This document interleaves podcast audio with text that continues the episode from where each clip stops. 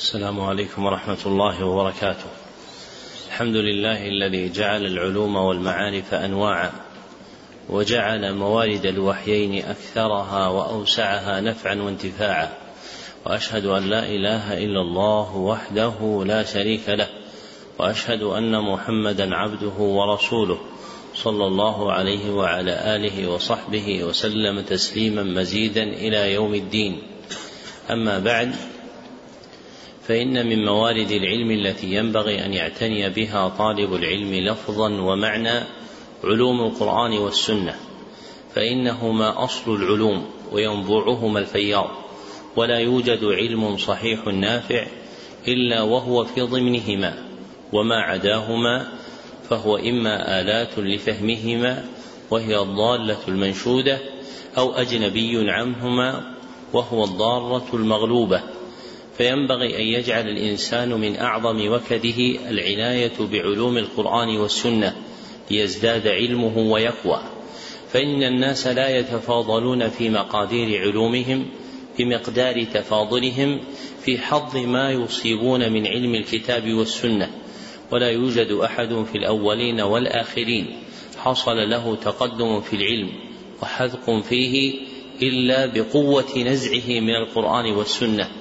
فينبغي أن لا يغفل طالب العلم عن دوام الإقبال عليهما والاستنباط منهما والاستغناء بعلومهما وأن يجعل العلوم كافة خادمة لهما. ومن جملة موارد العلوم المنطوية في الأحاديث النبوية عقل ما صح عنه صلى الله عليه وسلم في الصحيح أنه أوتي جوامع الكلم. فإن من آيات نبوته الصادقة أن الله عز وجل آتاه جوامع الكلم وجوامع الكلم التي أوتيها النبي صلى الله عليه وسلم نوعان. أحدهما القرآن الكريم فإن الله سبحانه وتعالى اصطفى نبيه صلى الله عليه وسلم بإنزال أشرف الكتب عليه وهو القرآن الكريم وجعله آيته الباهرة. وحجته القاهرة. ففي الصحيحين من حديث أبي هريرة رضي الله عنه أن النبي صلى الله عليه وسلم قال ما من الأنبياء نبي إلا أوتي من الآيات ما آمن على مثله البشر وإنما كان الذي أوتيته وحيا أوحاه الله إلي وإني أرجو أن أكون أكثرهم تابعا يوم القيامة. والآخر ما آتاه الله عز وجل نبيه صلى الله عليه وسلم من جوامع الكلم في لسانه صلى الله عليه وسلم من الأحاديث التي جمعت وجازة المبنى وجلالة المعنى فإن الأحاديث النبوية التي تجمع بين وجازة المبنى أي قلته وجلالة المعنى أي عظمته أي عظمته فإنها من جملة ما يندرج فيما أوتيه النبي صلى الله عليه وسلم من جوامع الكلم. وهذه الأحاديث التي تدخل في حقيقة جوامع الكلم أحاديث كثيرة. جمعها لقب عند أهل العلم وهو الأحاديث القصار. وكان أبو عاصم الضحاك بن مخلد يقول الأحاديث القصار هي اللؤلؤ فصنف فيها جمع منهم عبد الرحمن بن أبي بكر السيوطي وعبد الرؤوف المناوي وكلا الكتابين لم يطبع والظاهر من اسم كتابيهما الوارد في ترجمتيهما أنهما اشترطا وصف القصر ولم يشترطا شرطا آخر وهو الذي سبق ذكره فيما سلف من المجالس وهو المقتصر على كلمتين فقط. فإن الأحاديث القصار عن النبي صلى الله عليه وسلم مبدأها هو الكلمتان حتى تنتهي إلى ما يتيسر ضبطه مما يدخله اسم القصر فإما أن يكون الحديث كلمتين أو ثلاثا أو أربعا أو خمسا أو ستا أو سبعا.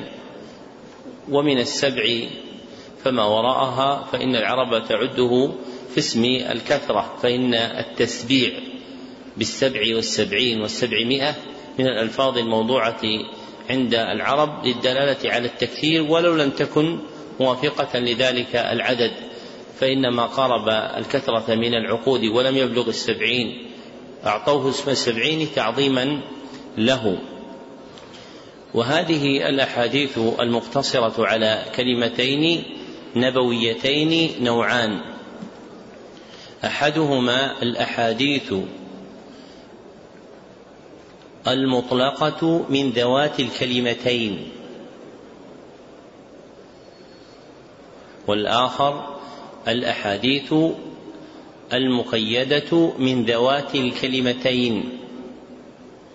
والفرق بينهما أن النوع الأول لا يوجد إلا على هذا البناء فهو عند كل من رواه واقع على كلمتين فقط.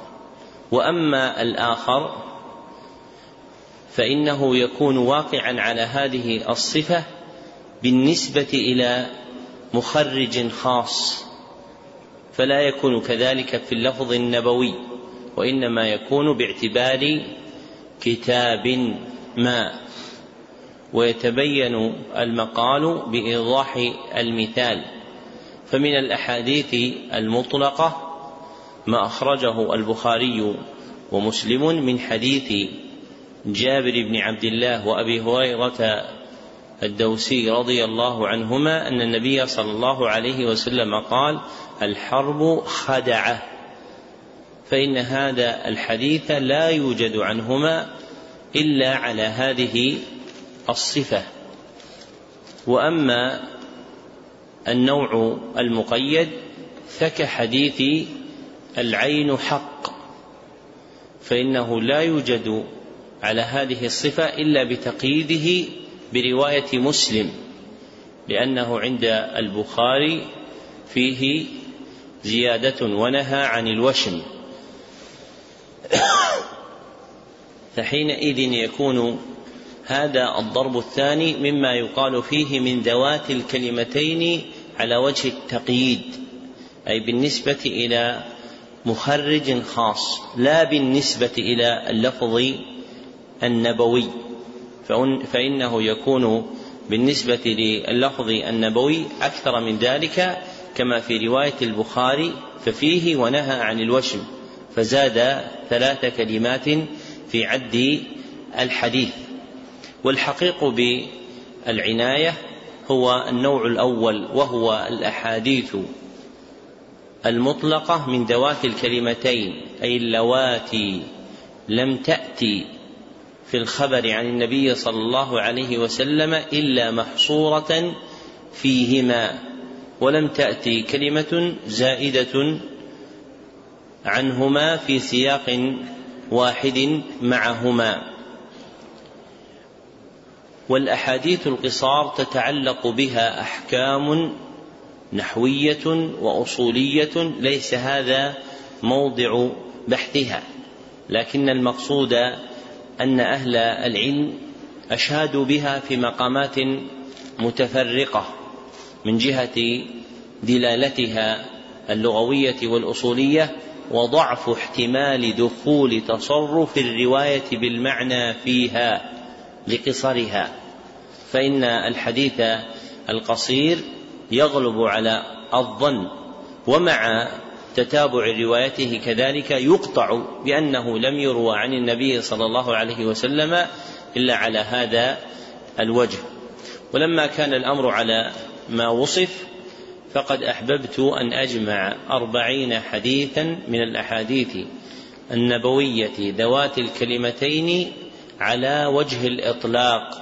أي اللواتي لم يأتي في أي كتاب من الكتب المسندة زيادة عليهما لتستفاد. ولا أظن أنه يبقى بعد هذا العد الذي استخرجته كبير شيء إلا من ذوات الكلمتين المقيدة فإنه يبقى وراء ذلك قدر لا بأس به. كالحديث الذي ذكرته آنفا في الصحيحين العين حق فإنه يمكن إدراجه في ذوات الكلمتين بأن يقال متفق عليه واللفظ لمسلم فإنه مع التقييد يصح كذلك. وأما مع الإطلاق فالأحاديث من ذوات الكلمتين عدد قليل بلغت الأربعين حديثا وربما لا تزيد عنها إلا شيئا يسيرا. فسأملي هذه الأحاديث حديثا حديثا مجردة من أسانيدها مع قرنها بما يحتاج إليه من معرفة مراتبها. وعسى أن يمن الله عز وجل بمقام آخر نشرح فيه إن شاء الله تعالى هذه الأحاديث الجامعة. فسأملي عليكم الكتاب برمته وهو مما من الله بكتابته هذه الأيام في هذه البلدة الطيبة. فاكتبوا إملاء خطبة الكتاب أولا. بسم الله الرحمن الرحيم. الحمد لله باعث خير خلقه إلى خير الأمم. الحمد لله باعث خير خلقه إلى خير الأمم. المكرم من ربه بأعظم النعم. المكرم من ربه بأعظم النعم. أكمل له الديانة. أكمل له الديانة وأدى به الأمانة.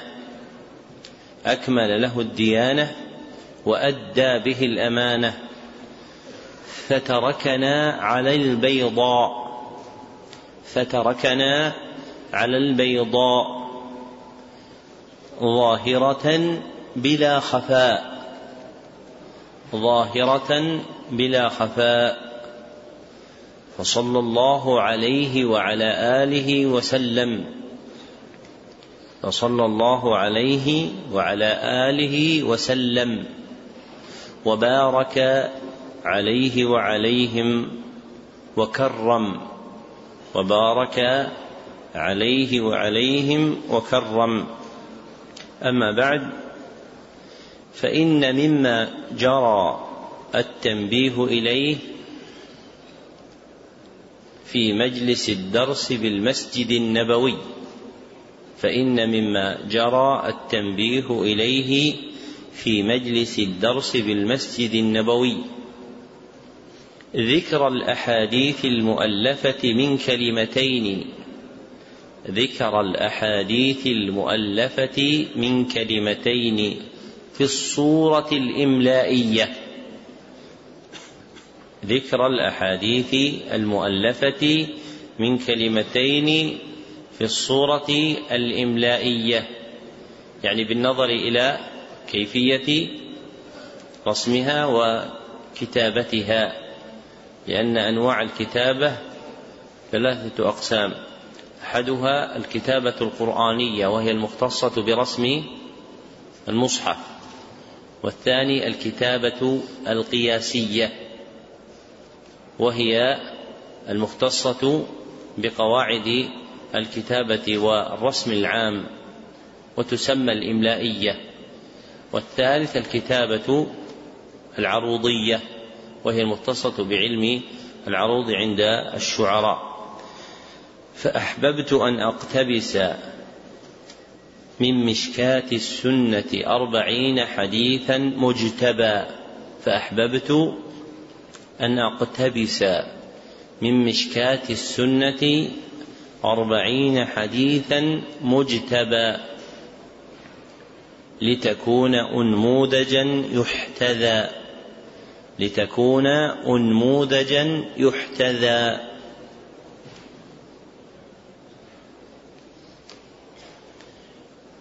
يطلع منه على مبلغ البيان النبوي. يطلع منه على مبلغ البيان النبوي وثراء مورده النقي وثراء مورده النقي. الجامع بين وجازة المباني الجامع بين وجازة المباني وجلالة المعاني. الجامع بين وجازة المباني وجلالة المعاني ملتزما أن يكون ورودها كذلك ملتزما أن يكون ورودها كذلك فيما عزيت إليه من تصانيف المحدثين. فيما عزيت إليه من تصانيف المحدثين. وبينت مراتب روايتها نصيحة للمسلمين. وبينت مراتب روايتها نصيحة للمسلمين.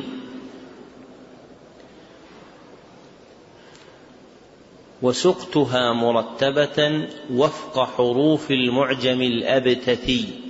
وسقتها مرتبة وفق حروف المعجم الأبتثي يعني المبدوء بالألف فالباء فالتاء فالتاء إلى ختمه بالياء تمييزا لها عن حروف المعجم الأبجدي المنتظمة في أبجد هوز حطي كلم إلى آخره فإن الأول يسمى أبتثيا. والثاني يسمى أبجديا ويقال رجل أبتثي للمبتدئ في أخذ الشيء من العلم يعني الذي يتلقن أولا تهجي الحروف راجيا من الله الأجر السني راجيا من الله الأجر السني.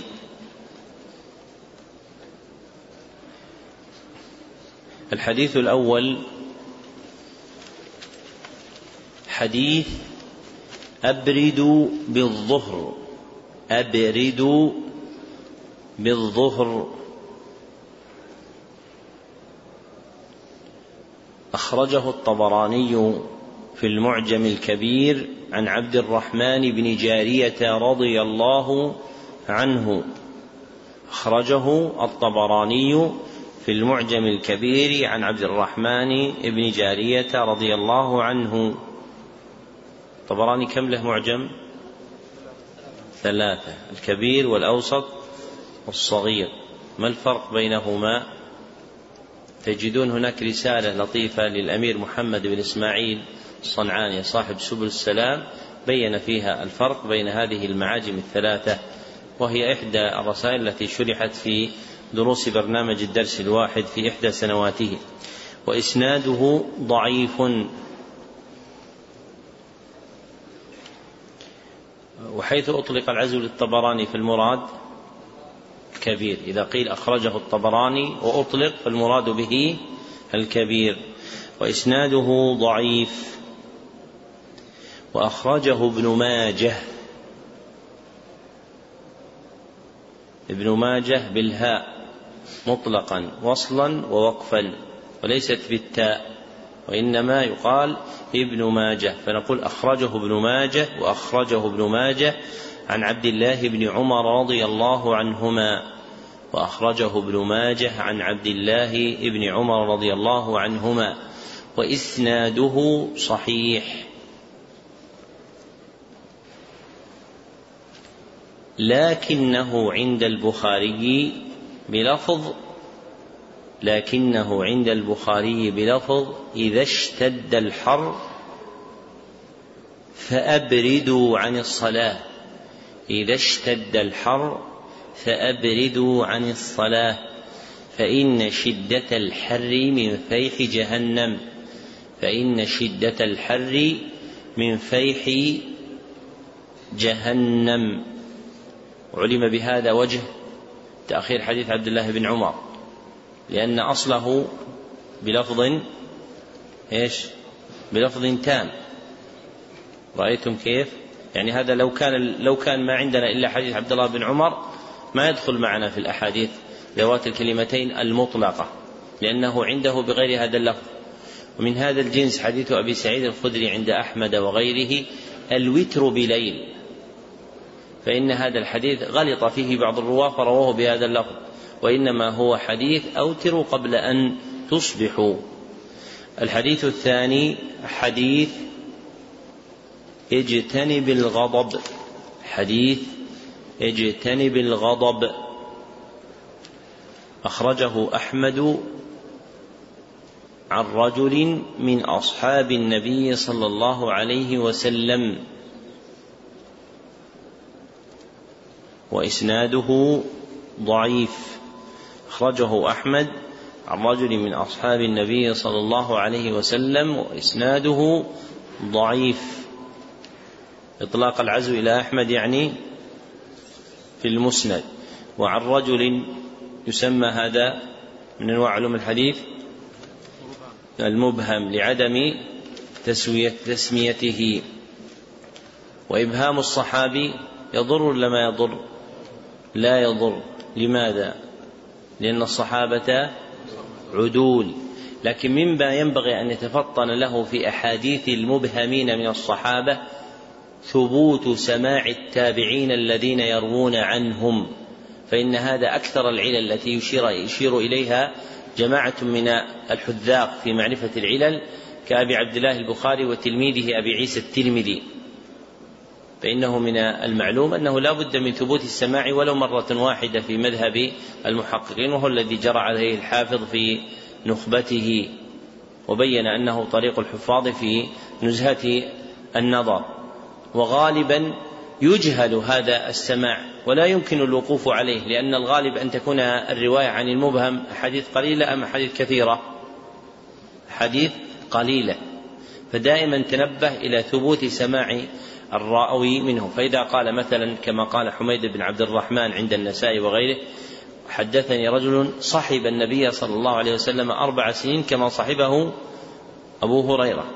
فهذا الحديث يفيد الاتصال مع أنه قال رجل لأنه قال حدثني ثم أكد أيضا صحبته.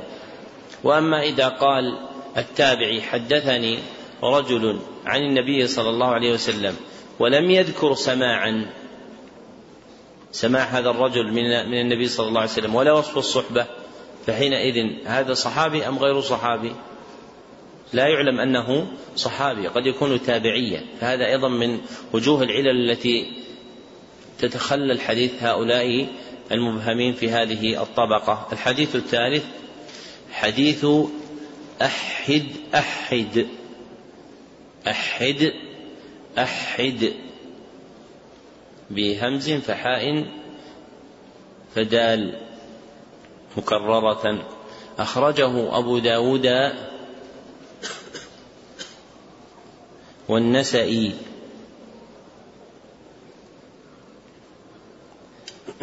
النسائي في أشهر اللغات كالسبئي ويجوز النسائي والنسوي لكن الأولى أشهر.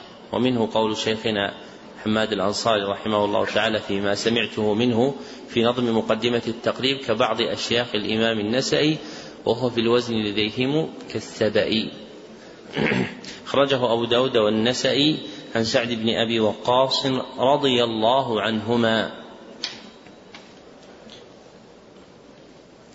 والترمذي والنسائي عن أبي هريرة رضي الله عنه.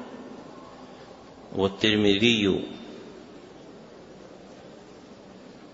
الترمذي فيه تثليث التاء.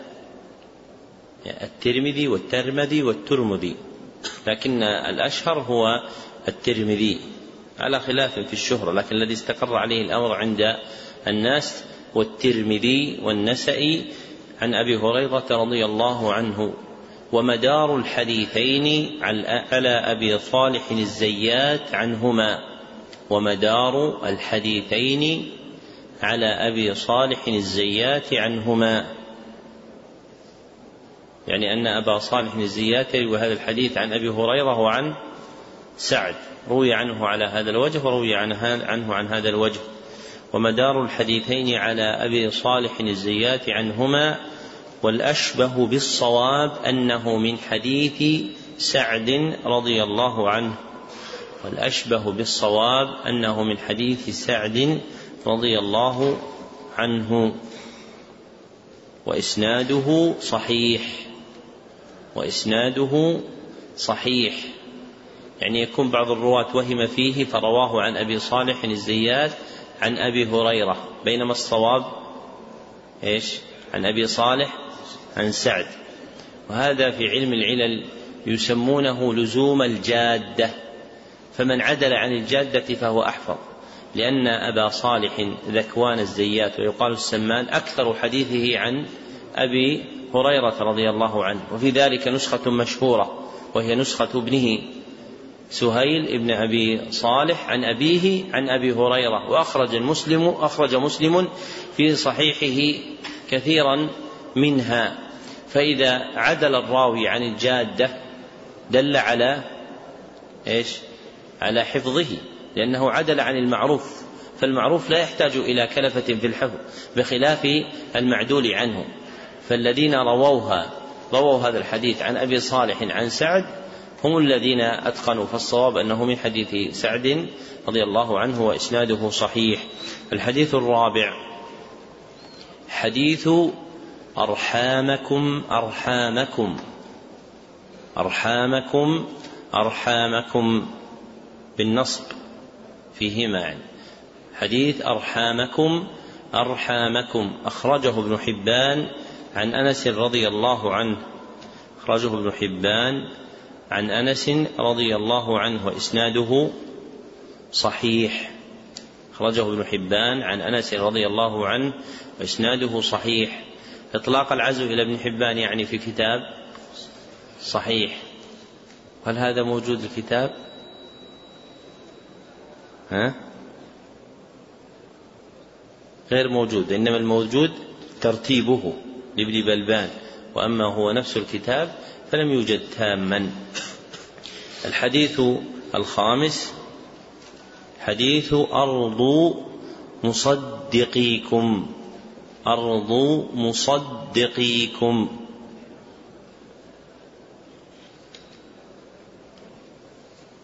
أخرجه مسلم عن جرير بن عبد الله رضي الله عنه.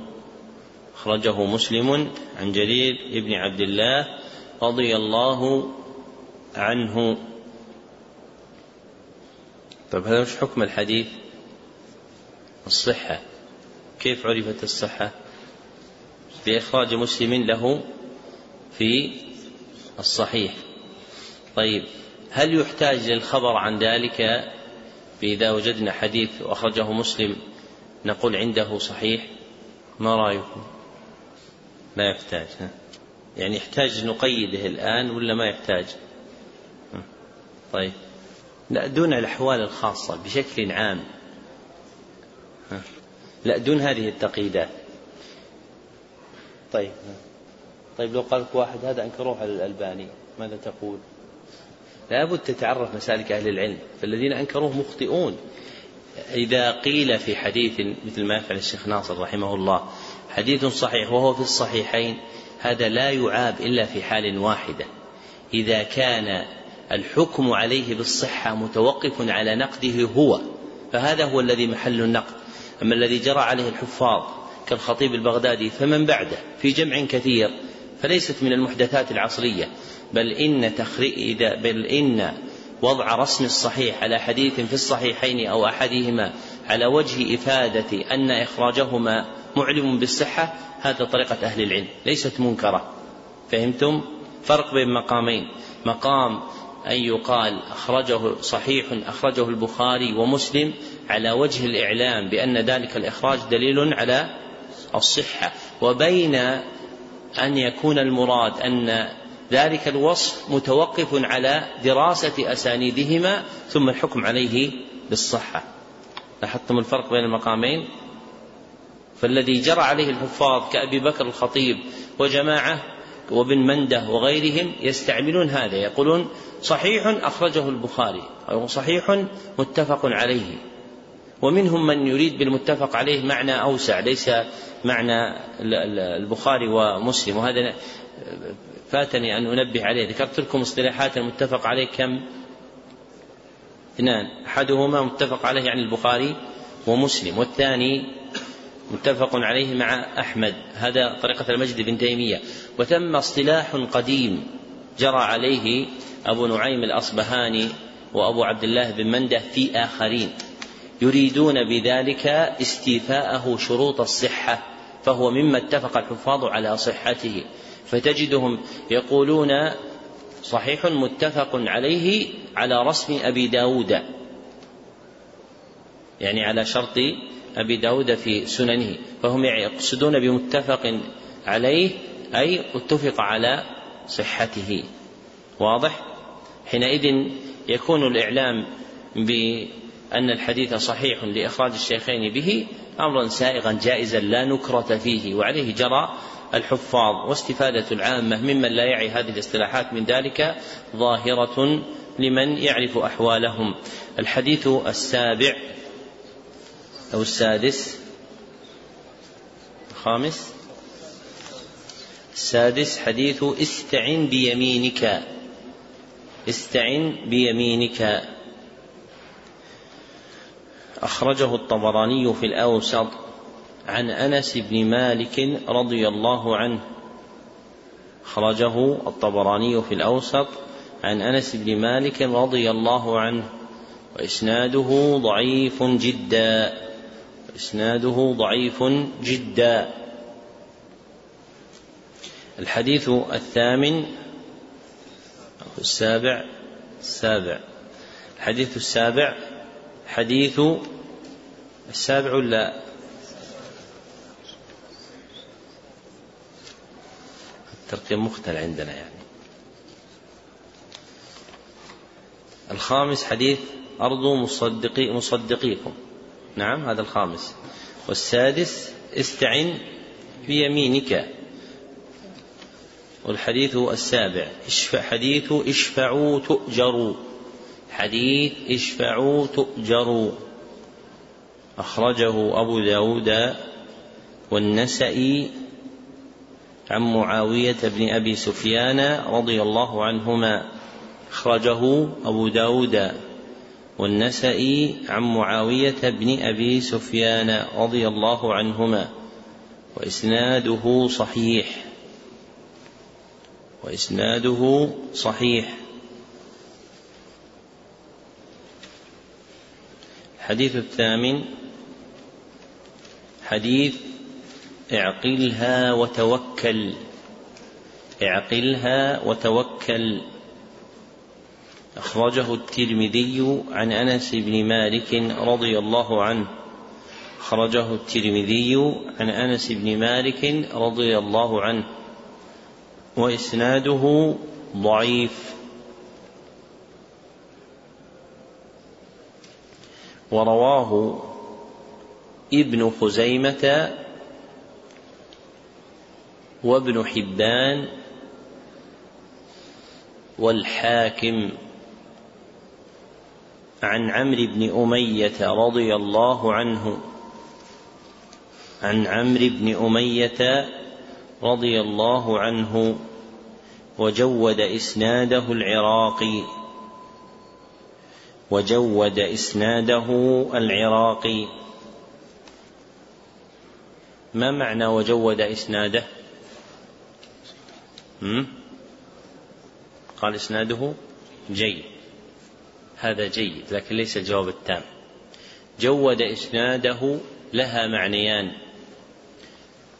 أحدهما أن يكون الراوي رواه على الوجه الأجود الأثبت في طريق نقله أن يكون الراوي رواه على الوجه الأجود الأثبت في طريق نقله. والثاني أن يكون الناقد حكم عليه بأنه جيد أن يكون الناقد حكم عليه بأنه جيد. فمتعلق الأول إسناد الرواة فمتعلق الأول إسناد الرواة ومتعلق الثاني أحكام الحفاظ ومتعلق الثاني أحكام الحفاظ. مثلا يقولون حديث بئر بضاعة جوده أبو أسامة الكوفي حماد بن أسامة. يعني رواه على الوجه الأجود هذا أحد رواته لأن في طرقه اختلافا.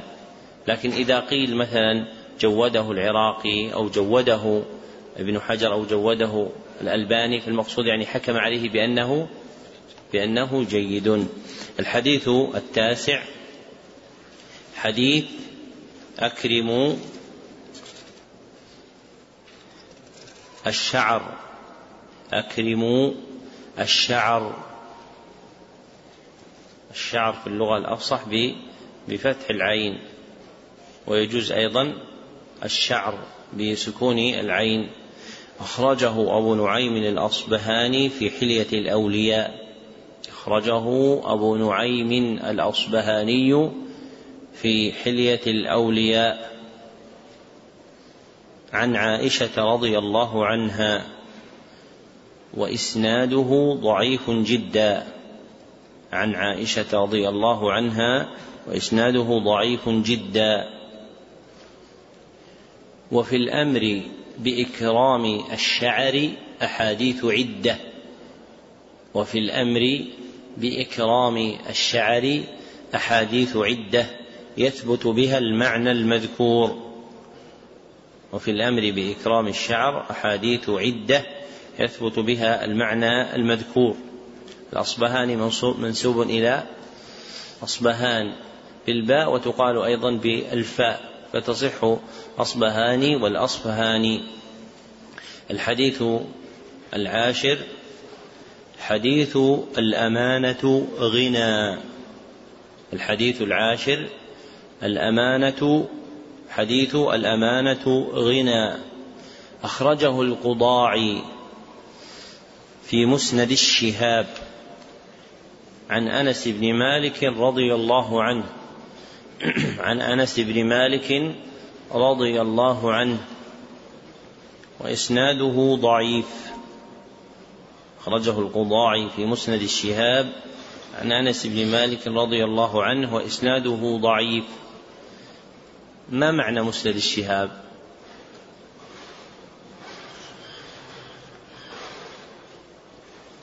القضاعي رحمه الله ألف كتابا مجردا. اسمه الشهاب في المواعظ والآداب. يذكر فيه الأحاديث مجردة. مثلا يأتي يقول عن أنس الأمانة غنى ولا يسنده. ثم الذي بعده وهكذا. ثم بعد ذلك ألف كتابا اسمه مسند الشهاب. يعني أسند فيه الأحاديث التي أوردها في كتاب الشهاب. وهذا الكتاب الشهاب في المواعظ والآداب كان في القرن آه، السابع والثامن والتاسع والعاشر تقريبا هو الكتاب الذي يعتنى به في قراءة الحديث المجرد. ثم حل محله الجامع الصغير. فصار بعد ذلك في أواخر العاشر والحادي عشر والثاني عشر والثالث عشر يعتنى بالجامع الصغير. ولذلك على كتاب الشهاب شروح حافلة تنبغي العناية بها. من أحسنها موردا وألخصها كتاب شرح الشهاب للعلامة عبد القادر بن بدران الدومي الحنبلي رحمه الله. طبع في مجلد واحد وهو كتاب نافع. الحديث الحادي عشر. حديث الأيمن فالأيمن. حديث الأيمن فالأيمن. أخرجه البخاري ومسلم عن أنس بن مالك رضي الله عنه. أخرجه البخاري ومسلم عن أنس بن مالك رضي الله عنه. الحديث الثاني عشر. حديث تنقه وتوقه. تنقه وتوقه. أخرجه الطبراني في المعجمين الكبير والصغير. أخرجه الطبراني في المعجمين الكبير والصغير. عن ابن عمر رضي الله عنهما. عن ابن عمر رضي الله عنهما. وإسناده ضعيف. إسناده ضعيف. الحديث الثالث عشر. الثالثة عشر كيف تكتب؟ تكتب رقم ولا تكتب بالحروف؟ ما, ما تقولون. الرقم للحساب. الرقم للحساب والحرف للعلم والكتاب. هذه الأرقام للحساب الذين عندهم دراهم ويحسبون الدخل وش دخلوا اليوم وش خرج هذا يكتبون. أما العلم ما يكتب فيه 13 14 15 ما كانت هذه موجودة في كتب أهل العلم إلا في هذا القرن. وأما قبل ذلك هي أجنبية عن العلم لأنها لحسابات الدنيا وإنما تكتب بالحرف. فيكتب الحديث الثالث عشر بلفظه حديث الثالث ملعون حديث الثالث ملعون. أخرجه الطبراني في المعجم الكبير عن المهاجر بن قنفذ رضي الله عنه. أخرجه الطبراني في المعجم الكبير عن المهاجر بن قنفذ رضي الله عنه. وإسناده ضعيف. وإسناده ضعيف. ما معنى حديث الثالث ملعون؟ لا أيسر من ذلك. أصل الحديث أن النبي صلى الله عليه وسلم رأى ثلاثة على دابة فقال الثالث ملعون. لماذا؟ لما فيه من المشقة على الدابة والمشقة على الدابة فيها أذية. فكانت العرب غالبا يركب الدابة واحد فإن احتيج إليها ركبها اثنان ولا يزيدون ثالثا. إلا على وجه الندرة. فهذا معنى الحديث. الثالث ملعون. الحديث الرابع عشر حديث الحج عرفة. حديث الحج عرفة. أخرجه ابن الأعرابي في معجمه.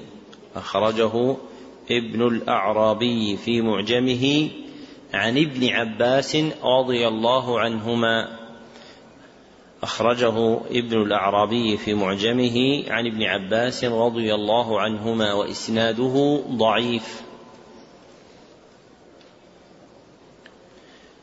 ورواه مسدد في مسنده موقوفا. ورواه مسدد في مسنده موقوفا بلفظ الحج عرفة والعمرة الطواف. الحج عرفة والعمرة الطواف وإسناده صحيح وإسناده صحيح. وهو عند الأربعة من حديث عبد الرحمن الديلي رضي الله عنه وهو عند الأربعة من حديث عبد الرحمن الديلي رضي الله عنه بلفظ أتم وهو عند الأربعة من حديث عبد الرحمن الديلي رضي الله عنه بلفظ أتم. الآن حديث عبد الرحمن يقدح في الإيراد أم لا يقدح؟ لا يقدح لأن الحديث الذي أثبتناه رواية من؟ رواية عبد الله بن عباس.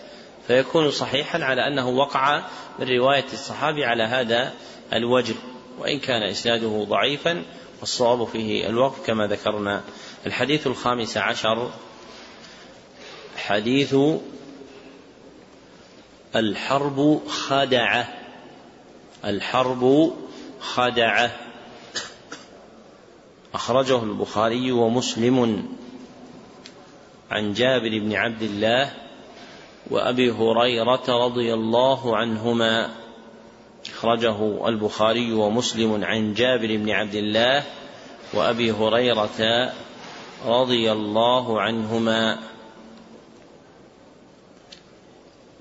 كيف يعني أخرجوه عن جابر وأبي هريرة؟ قال أم كل واحد لوحده؟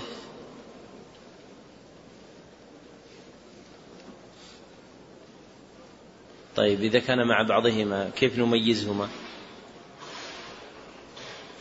إذا كان مع بعضهما كيف نميزهما؟ يعني لو أن الحديث البخاري ومسلم رواه محمد بن علي عن جابر وأبي هريرة قال كيف نميز في اللفظ؟ لو كان كذلك نزيد كلمة مقرونين لو كان كذلك يعني في سند واحد ينتهي إلى صحابيين نقول مقرونين. وأما إذا كان حديثين مفترقين فإننا نقول عن جابر وأبي هريرة رضي الله عنه دون قيد مقرونين.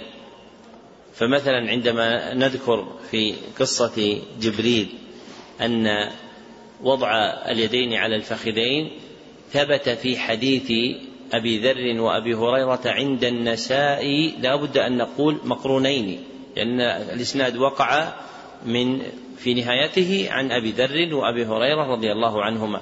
فهذا يقال فيه مقرونين للتنبيه أنهما جاء بسند واحد منتهاه إلى رجلين معا. الحديث السادس عشر حديث الخالة والدة. الخالة والدة. أخرجه الطبراني في المعجم الكبير. عن أبي مسعود الأنصاري رضي الله عنه. أخرجه الطبراني في المعجم الكبير عن أبي مسعود الأنصاري رضي الله عنه وإسناده ضعيف وإسناده ضعيف. والعقيلي في الضعفاء عن أبي هريرة رضي الله عنه. والعقيلي في الضعفاء عن أبي هريرة رضي الله عنه. وإسناده ضعيف جدا. إسناده ضعيف جدا. اسم كتاب العقيلي إيش؟ الضعفاء. الإيش؟ كتاب العقيلي ما اسمه؟ ضعفاء الكبير. هذه من زيادات الذي نشره هداه الله. اسمه الضعفاء. هذه الكبير ليست على النسخة الخطية حتى التي اعتمدها فاسمه كتاب الضعفاء. وإسناده ضعيف جدا ولهما شاهد من حديث علي رضي الله عنه. ولهما شاهد من حديث علي رضي الله عنه بسياق أطول. ولهما شاهد من حديث علي رضي الله عنه بسياق أطول. فيه الجملة المذكورة. فيه الجملة المذكورة. رواه أحمد وإسناده جيد. رواه أحمد وإسناده جيد. الحديث السابع عشر. حديث الحمى شهادة. حديث الحمى شهادة. أخرجه الديلمي في مسند الفردوس. أخرجه الديلمي في مسند الفردوس عن أنس بن مالك رضي الله عنه. عن أنس بن مالك رضي الله عنه. وهو حديث موضوع. وهو حديث موضوع.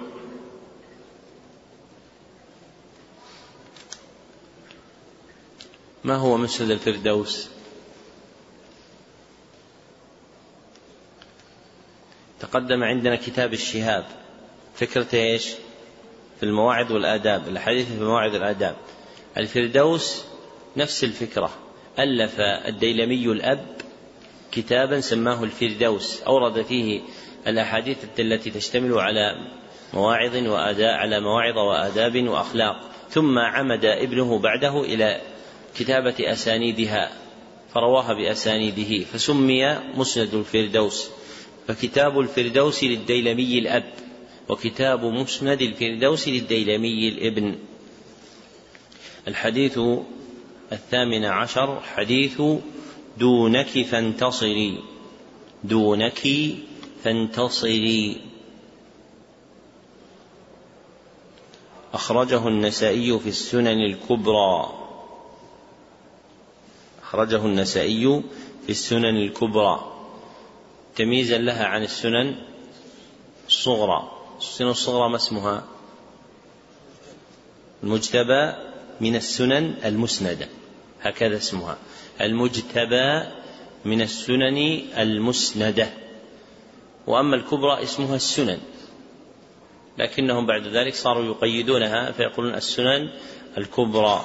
أخرجه النسائي في السنن الكبرى وابن ماجه عن عائشة بنت أبي بكر الصديق رضي الله عنهما. عن عائشة بنت أبي بكر الصديق رضي الله عنهما. وإسناده حسن. وإسناده حسن. ما الفرق بين الكبرى والصغرى؟ هذا نعم فرق لكن ليس جوهريا انتخب منها لكن هذه لا يثبت فيه شيء القصة الواردة فيه لا تصح.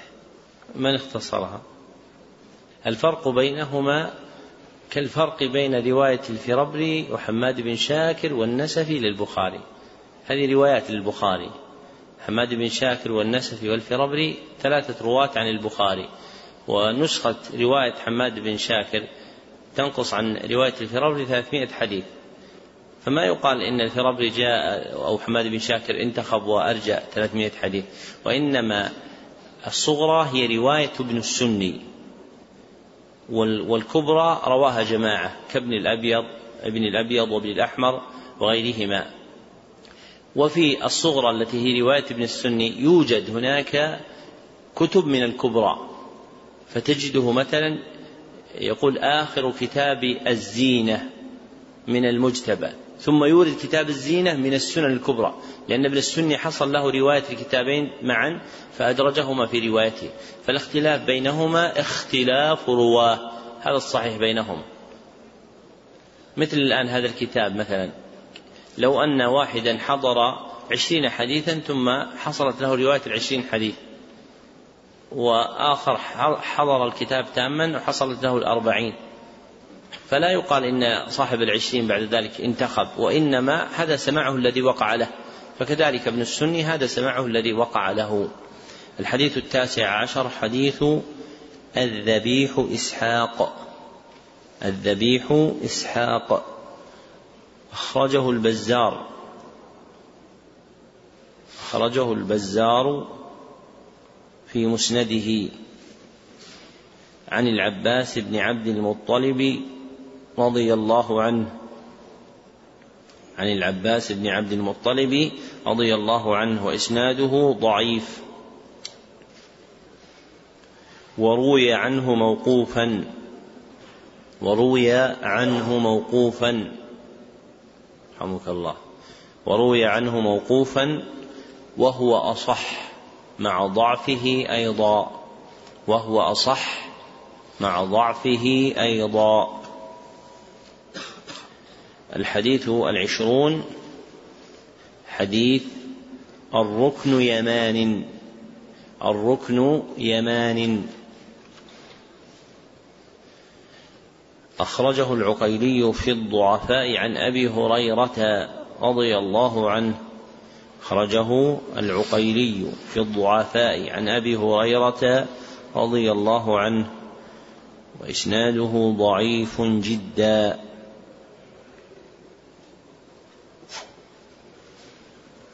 رحمك الله. الحديث الحادي والعشرون. السري النهر.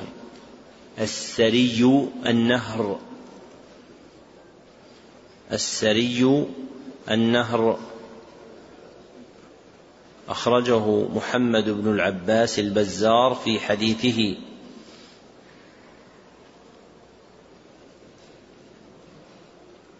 عن البراء بن عازب رضي الله عنه. عن البراء بن عازب رضي الله عنه. وأخرجه الطبراني في المعجم الصغير. وأخرجه الطبراني في المعجم الصغير. عنه عن النبي صلى الله عليه وسلم. عنه عن النبي صلى الله عليه وسلم في قوله عز وجل في قوله عز وجل قد جعل ربك تحتك سريا. في قوله عز وجل قد جعل ربك تحتك سريا. قال النهر قال النهر.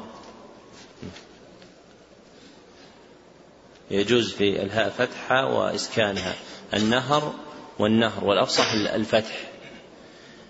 قال النهر ورواه الحاكم موقوفا وهو الصواب. ورواه الحاكم موقوفا وهو الصواب. الحاكم عند الإطلاق يعني في كتاب مستدرك. والمراد به من؟ الحاكم اثنان. أحدهما أبو أحمد الحاكم والثاني أبو عبد الله الحاكم. وإذا أطلق فالمراد به أبو عبد الله الحاكم صاحب المستدرك على الصحيح. طيب ما معنى الحاكم؟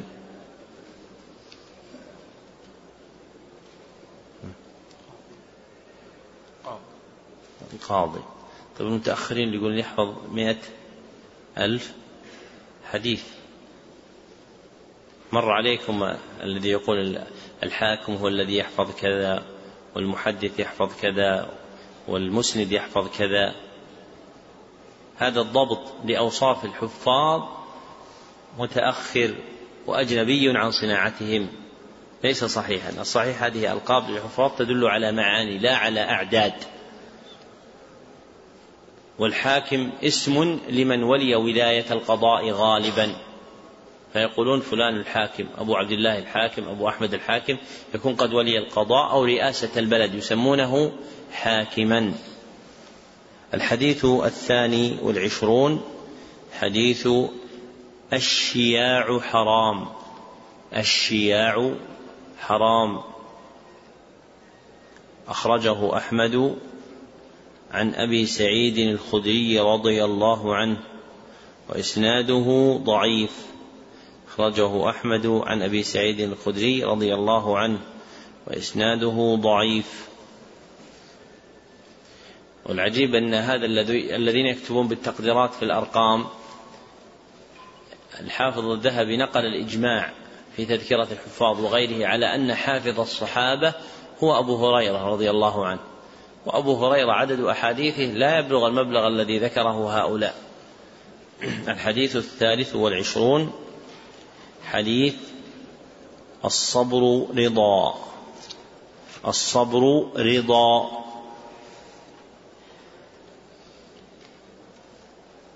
الحديث السابق قلنا وإسناده ضعيف. حديث الصبر رضا. أخرجه ابن شاهين في الترغيب. أخرجه ابن شاهين في الترغيب. والديلمي في مسند الفردوس والديلمي في مسند الفردوس عن أبي موسى الأشعري رضي الله عنه. عن أبي موسى الأشعري رضي الله عنه. وإسناده ضعيف. الحديث الرابع والعشرون. حديث الطوفان الموت. الطوفان الموت. أخرجه ابن جرير وابن أبي حاتم وابن مردويه في تفاسيرهم. مردويه كم فيها ضبط؟ ضبطان مردويه ومردويه مردويه. لماذا فيها هذين الضبطان؟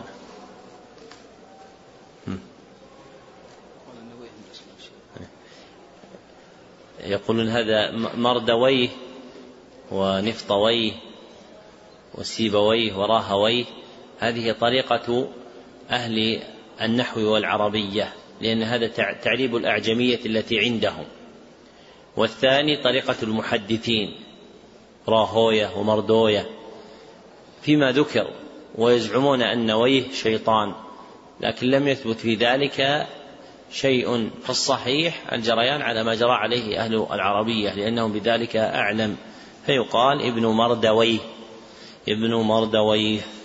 ويكون أيضا إيش؟ بالهاء وصلا ووقفا.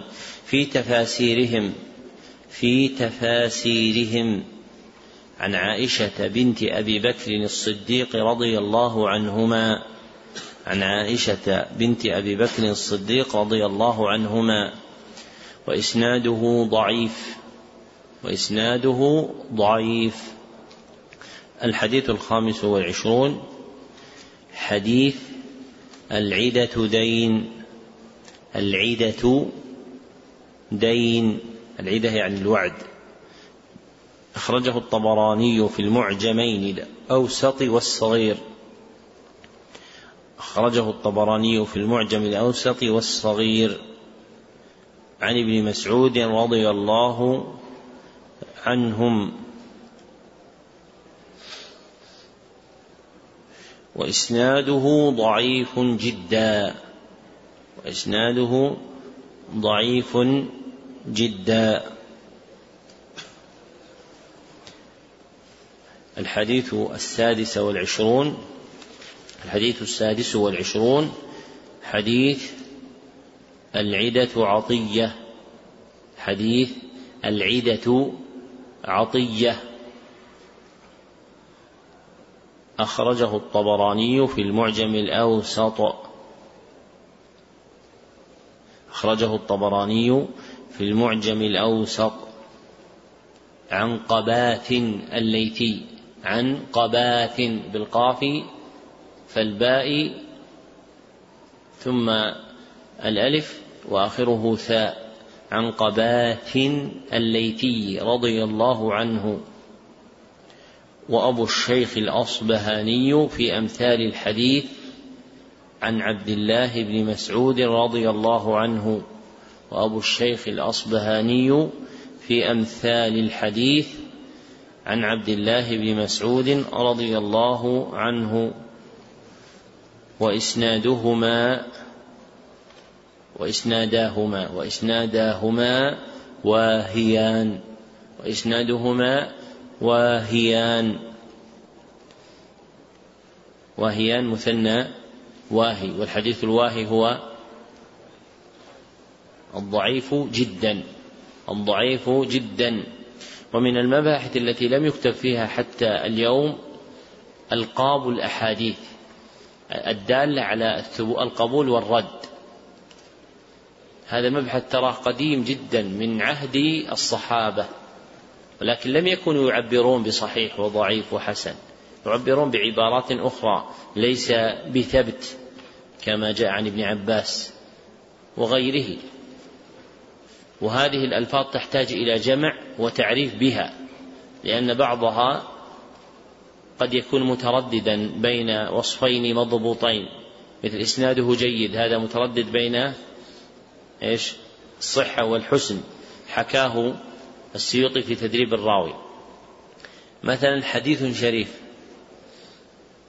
هذا على أي درجة هذا لقب قديم موجود في كلام جماعة من الحفاظ كأبي نعيم الأصبهاني وغيره وليس من الألقاب الموضوعة للدلالة على الصح القبول والرد وإنما على جلالة المعنى. يقول حديث شريف يعني إذا جل معناه وعظم وشرف فيوصف بذلك. وتطابق الناس على دائما إذا قالوا حديث قالوا حديث حديث شريف. حديث شريف. مع أن الأولى الجريان على الألفاظ المستعملة عند المحدثين من الدلالة على القبول والرد. هذا الحديث عزي أولا إلى الطبراني في الأوسط. الحديث السابق عزي إلى الكبير و والصغير. فله ثلاثة ثلاثة معاجم. ومن الحقيق بالتأليف تأليف كتاب يجمع الأحاديث التي رواها الطبراني في المعاجم الثلاثة. يعني الأحاديث التي أعادها الطبراني في كل معجم. ولماذا أعادها؟ هذا حقيقة بالدراسة. فيوجد عدة أحاديث مر من منها حديث عندنا في كتاب التوحيد. حديث سلمان رضي الله عنه قال أخرجه الطبراني في معاجمه يعني الثلاثة. الحديث السابع والعشرون عليكم بالنسلان. عليكم بالنسلان. أخرجه ابن خزيمة والحاكم عن جابر بن عبد الله رضي الله عنهما. أخرجه ابن خزيمة والحاكم عن جابر بن عبد الله رضي الله عنهما وإسناده صحيح وإسناده صحيح. نسلان يعني الإسراع في المشي الإسراع في المشي. الحديث الثامن والعشرون حديث الغنم بركة الغنم بركة. أخرجه أبو يعلى الموصلي في مسنده. أخرجه أبو يعلى الموصلي في مسنده. هذا أبو يعلى من الحفاظ. وله كم مسند؟ على قاعدتكم يصير مسندين. لأن لا لأن كتابه رواه رجلان. أحدهما أبو عمرو بن حمدان والآخر ابن المقرئ. والتي بأيدي الناس هي رواية ابن المقرئ وليست رواية أبي عمرو بن حمدان. طيب وين رواية أبو عمرو بن حمدان؟ رواية أبو عمرو بن حمدان هي الكبرى هي الأكثر. رواية أبي عمرو بن حمدان هي التي جمع ابن حجر زوائدها في المطالب العالية.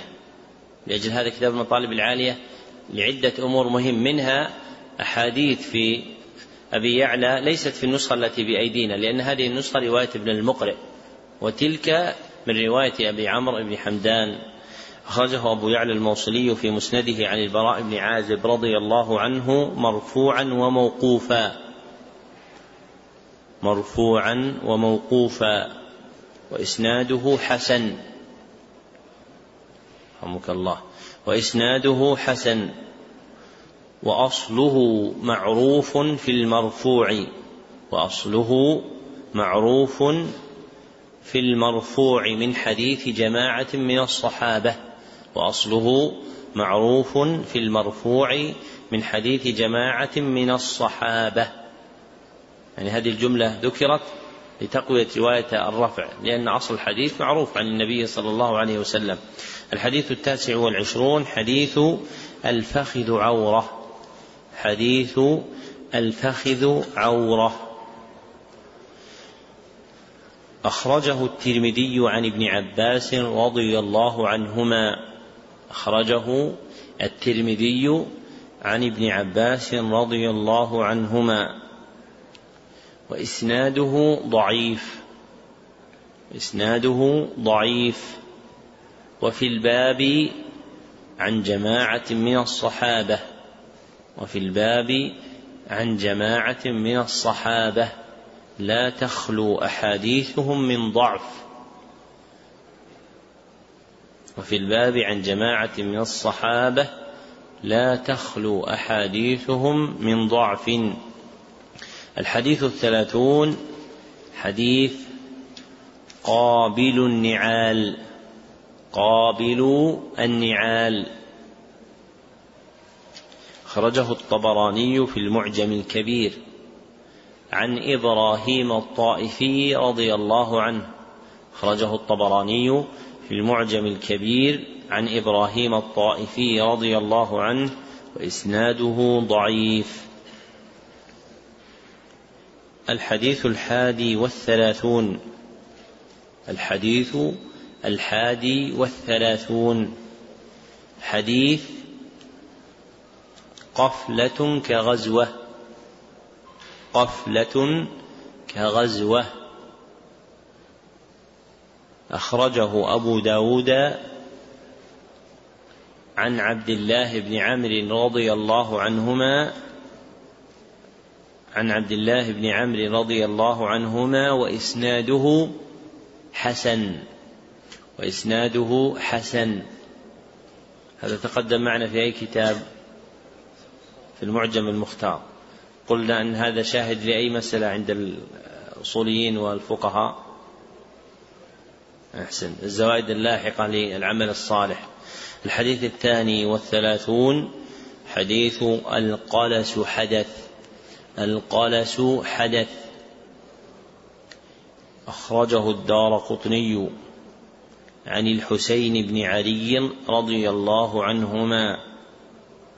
وإسناده ضعيف جدا.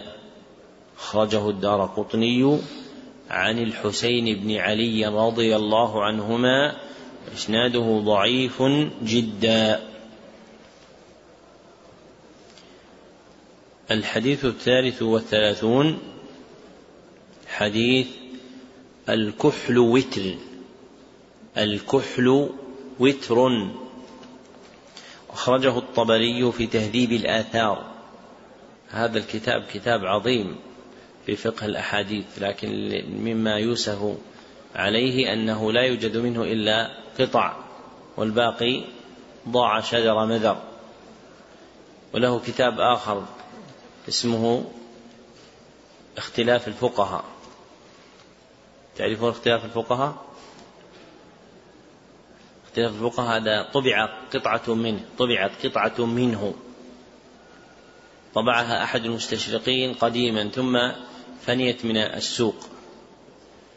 ومن عجائب المخبآت أن مكتبة إحدى المعاهد الأزهرية في مصر فيها قطعة من كتاب اختلاف الفقهاء للطبري مقروءة عليه وعليها خطه. وتعد من أقدم الآثار التي لابن جرير الطبري. وقد صورت وصارت في ضمن المخطوطات الموجودة في المكتبة الملحقة بمسجد زينب. وهذه المكتبة الملحقة بمسجد زينب مكتبة بكر. لم يفتشها بعد الناس لأنها جمعت من المعاهد الأزهرية وغيرها. وفيها مخطوطات نفيسة. من جملتها هذا الكتاب الذي هو قطعة من اختلاف الفقهاء لكنها قطعة ليست القطعة المطبوعة فتفيد في إكمال ما نشر منه. وكتاب الطبري في تهذيب الآثار موجود ضمن كتاب موجود بأيدي الناس احتوى كثيرا منه وهو شرح ابن بطال للبخاري أكثر من النقل عن تهذيب الآثار فيستفاد منه. أخرجه الطبري في تهذيب الآثار وتمام الرازي في الفوائد. وتمام الرازي في الفوائد عن أنس بن مالك رضي الله عنهما. عن أنس بن مالك رضي الله عنهما. وإسناده ضعيف. ورواه الطبري في كتابه المذكور عنه موقوفا بإسناد صحيح. ورواه الطبري في كتابه المذكور عنه موقوفا بإسناد صحيح. ما معنى قول المحدثين هذا حديث فائدة؟ هذا حديث فائدة. معناه حديث منكر لا يصح. روي فيها أقدم شيء عن الإمام أحمد كلام للإمام أحمد رواه عنه الخطيب في الجامع وفي إسناده عن أحمد ضعف. لكن هذا أمر مشهور عندهم كما ذكره أبو العباس بن تيمية في الرد على البكري وابن رجب في شرح العلل. ولذلك كتب الفوائد موضوعة أصلا لأحاديث المستغربة والمنكرة مع أنه قد يوجد فيها صحاح لكن هي موضوعة لما يستغرب ويستنكر. الحديث الرابع والثلاثون هذا من الألقاب اللي ذكرناها لكم ألقاب الأحاديث في الحكم عليها. قولهم حديث فائدة وقولهم حديث شريف وقولهم حديث ليس بثبت بالإضافة إلى الألقاب المشهورة. الحديث الرابع والثلاثون حديث لا تغضب. أخرجه البخاري عن أبي هريرة رضي الله عنه. أخرجه البخاري عن أبي هريرة رضي الله عنه. هذا الحديث أقصر حديث عن النبي صلى الله عليه وسلم. هذا أقصر الأحاديث المروية عن النبي صلى الله عليه وسلم. وأما الأحاديث الأخرى التي فيها كلمة واحدة مثل نعم ولا هذه عندهم تكون مقدرة بما وقعت جوابا عليه. لأن الكلام لا يتم به معنى ولا يحسن السكوت عليه لو لم يتقدمه شيء فيكون الكلام مقدرا. الحديث الخامس والثلاثون حديث للجار حق. للجار حق. أخرجه البزار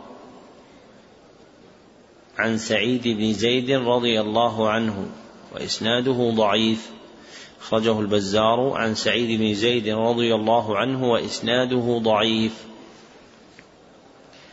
الحديث السادس والثلاثون حديث المؤمن مكفر. حديث المؤمن مكفر. بعض الكتب ضبطت مكفر. المؤمن مكفر بكسر بكسر الفاء. وبعضها وبعضها يعني خشيوا خشوا أن يضبطوا شيء وضعوا الشد على الفاء ولم يضعوا فتحة أو كسرة. حديث المؤمن مكفر يعني إيش؟ يعني يكفر يكفر عنه بالبلايا والذنوب وغيرها. أخرجه البزار وصححه الحاكم. أخرجه البزار وصححه الحاكم. عن سعد بن أبي وقاص رضي الله عنه. أخرجه البزار صححه الحاكم عن سعد بن أبي وقاص رضي الله عنه وإسناده ضعيف. الحديث السابع والثلاثون حديث موالينا منا موالينا منا. أخرجه الطبراني في المعجمين الكبير والأوسط. أخرجه الطبراني في المعجمين الكبير والأوسط. عن عبد الله بن عمر رضي الله عنهما. عن عبد الله بن عمر رضي الله عنهما. وإسناده ضعيف. وإسناده ضعيف. الحديث الثامن والثلاثون. حديث المنتعل راكب. المنتعل راكب. أخرجه أبو الشيخ.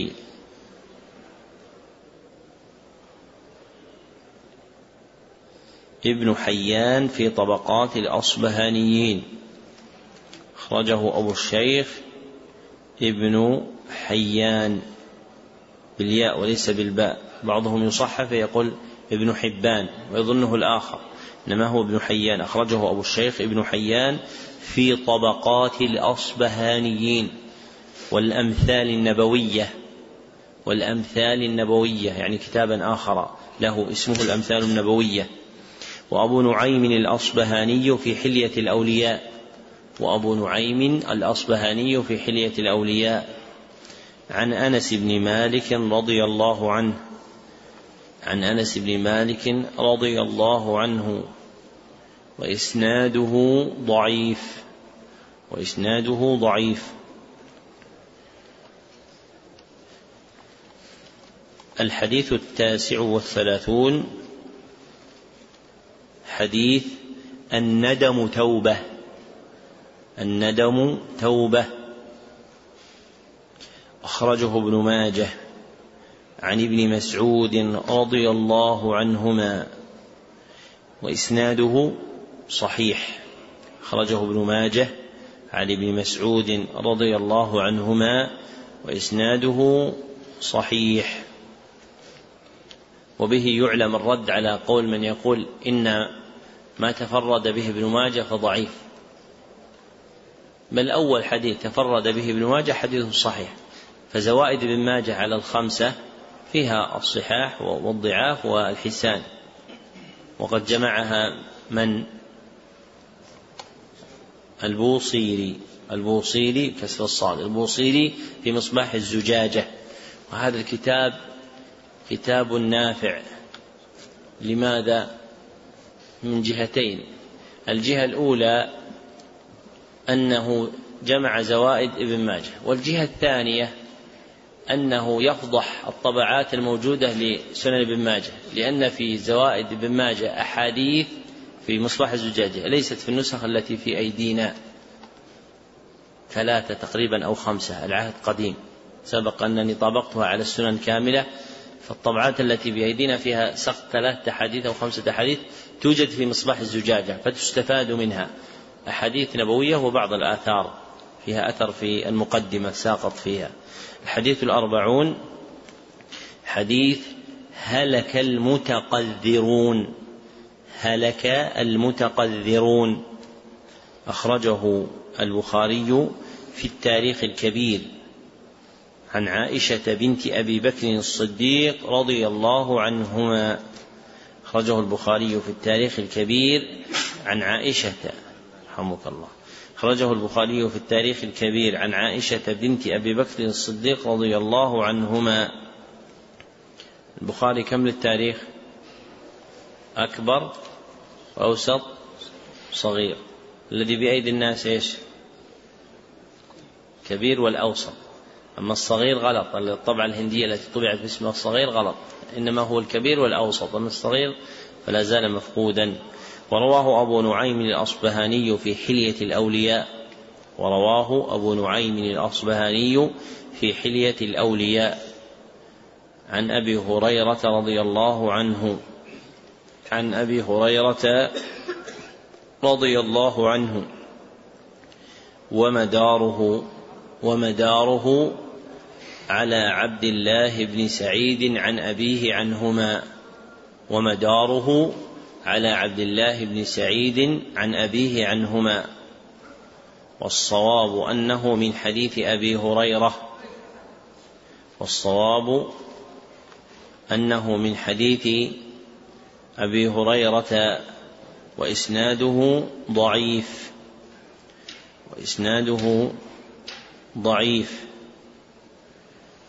الخاتمة في إشارات إلى إفادات.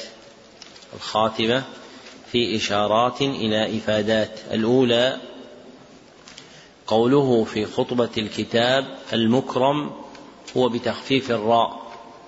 قوله في خطبة الكتاب المكرم هو بتخفيف الراء. الثانية قوله فيها أيضا البيضاء قوله فيها أيضا البيضاء صفة لموصوف محذوف صفة لموصوف محذوف تقديره المحجة تقديره المحجة أي الطريق تقديره المحجة أي الطريق. يعني في حديث أبي الدرداء عند ابن ماجه وهو من زوائده الصحيحة تركتكم على البيضاء يعني على المحجة البيضاء. ولم تقع لفظة المحجة البيضاء في طرق الحديث وألفاظه فإنما تركتكم على البيضاء الثالثة قوله فيها أيضا ذكر بالنصب اسما لإن الثالثة قوله فيها أيضا ذكر بالنصب اسما لإن الرابعة قوله فيها أيضا في الصورة الإملائية أي في رسم الكلمة وفق قواعد الإملاء أي في رسم الكلمة وفق قواعد الإملاء. الخامسة قوله فيها أيضا أنموذجا أنموذجا بضم الهمزة وهو المثال. بضم الهمزة وهو المثال. والصحيح أنها ليست عربية لكنها عربت. السادسة قوله فيها أيضا المعجم الأبتثي. المعجم الأبتثي هو ترتيب الحروف المبدوء بالألف فالباء فالتاء فالثاء هو ترتيب الحروف المبدوء المبدوء بالألف فالباء فالتاء فالثاء المختوم بالياء المختوم بالياء. السابعة قوله في الحديث الأول أبردوا. قوله في الحديث الأول أبردوا بكسر الراء أي أخروها عن وقت شدة الحر. أي أخروها عن وقت شدة الحر حتى يذهب وهج الشمس. حتى يذهب وهج الشمس.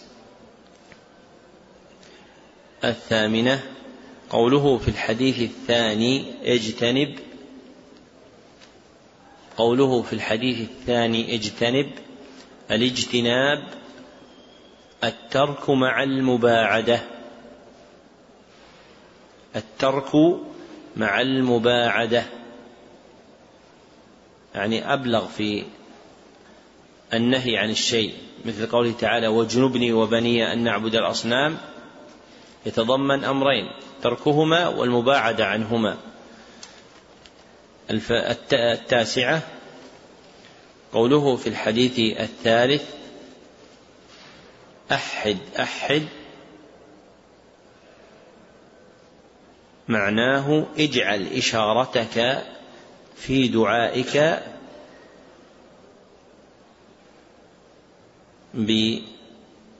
بأصبع واحد. معناه اجعل إشارتك في دعائك بأصبع واحد. أصبع كم فيها لغة؟ عشر. كيف؟ لا بتطول كذا مع التصريف. ولكن قل بتثليث الهمزة مع تثليث الباء. ثلاثة في ثلاثة تسعة. والعاشرة أسبوع العاشرة قوله في الحديث الرابع أرحامكم أرحامكم بالنصب على الإغراء. قوله في الحديث الرابع أرحامكم أرحامكم بالنصب على الإغراء.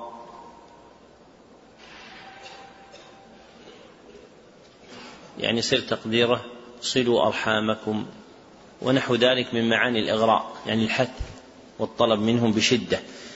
الحادية عشرة. قوله في الحديث الخامس مصدقيكم.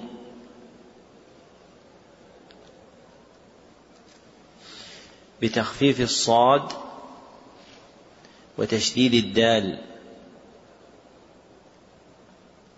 هم السعاة العاملون على الزكاة. هم السعاة. جمع ساعي. هم السعاة العاملون على الزكاة. الثانية عشرة قوله في الحديث الثامن اعقلها أي قيدها كما في بعض ألفاظ الحديث كما في بعض ألفاظ الحديث. من كلمات الإمام أحمد العظيمة أنه قال الحديث يفسر بعضه بعضا. وهذا الأمر لأجله عظم كتاب فتح الباري لأنه اجتهد في جمع الروايات المختلفة ويستعين بها في تفسير الحديث وغيره لم يصنع هذا. فمن أحسن مسالك تفسير الحديث وشرح معانيه أن تعتني بجمع ألفاظه لأن بعضها يعين على تفسير بعض.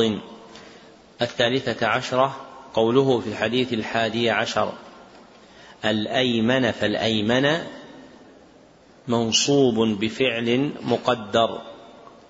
أعطي الأيمن فالأيمن. منصوب منصوبان منصوبان بفعل مقدر.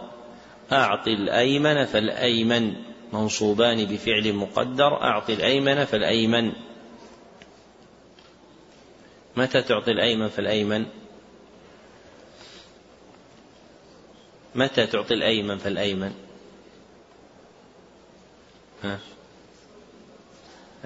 لا مثل ما وقع في السنة. بعد الكبير سنا وقدرا. هذا الذي وقع في السنة. يبدأ بالكبير سنا وقدرا وعليه بوب البخاري. واستدل بحديث كبر كبر.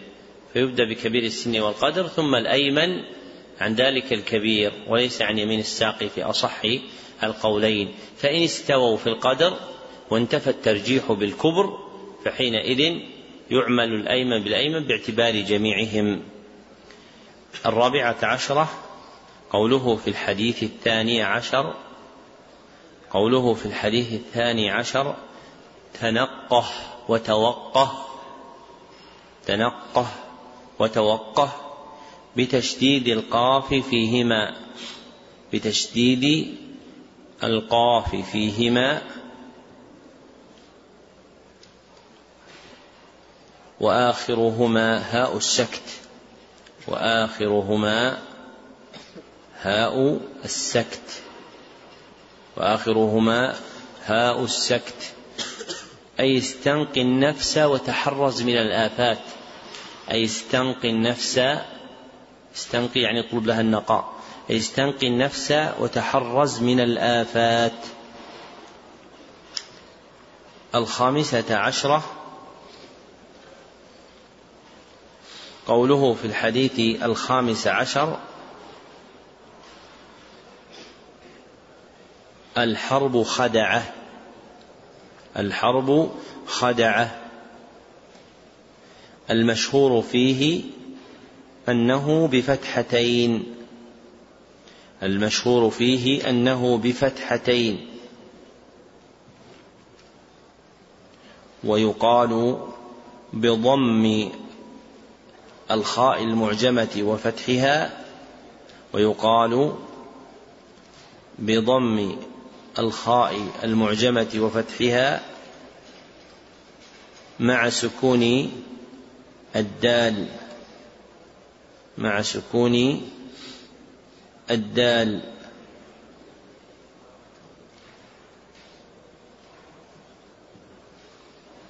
وحكي فتح الدال فيهما. وحكي فتح الدال فيهما أيضا.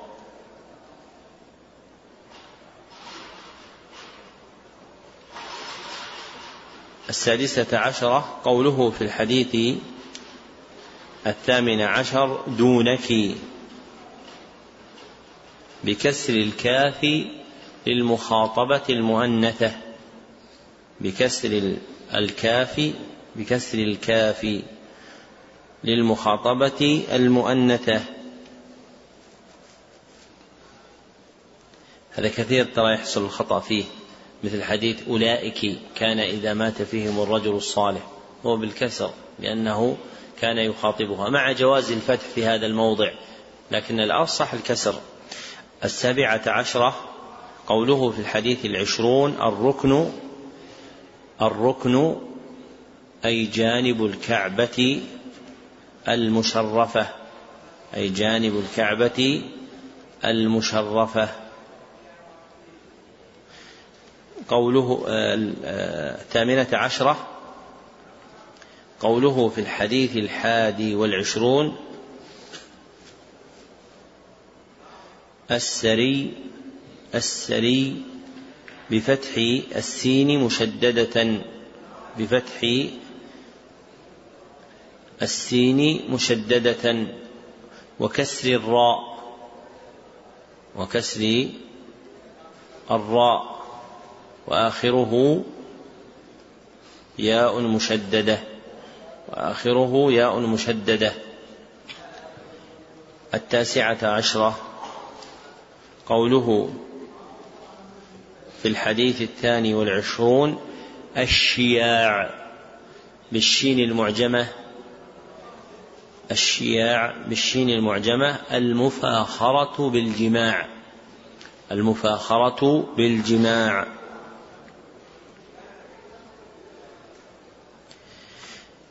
العشرون.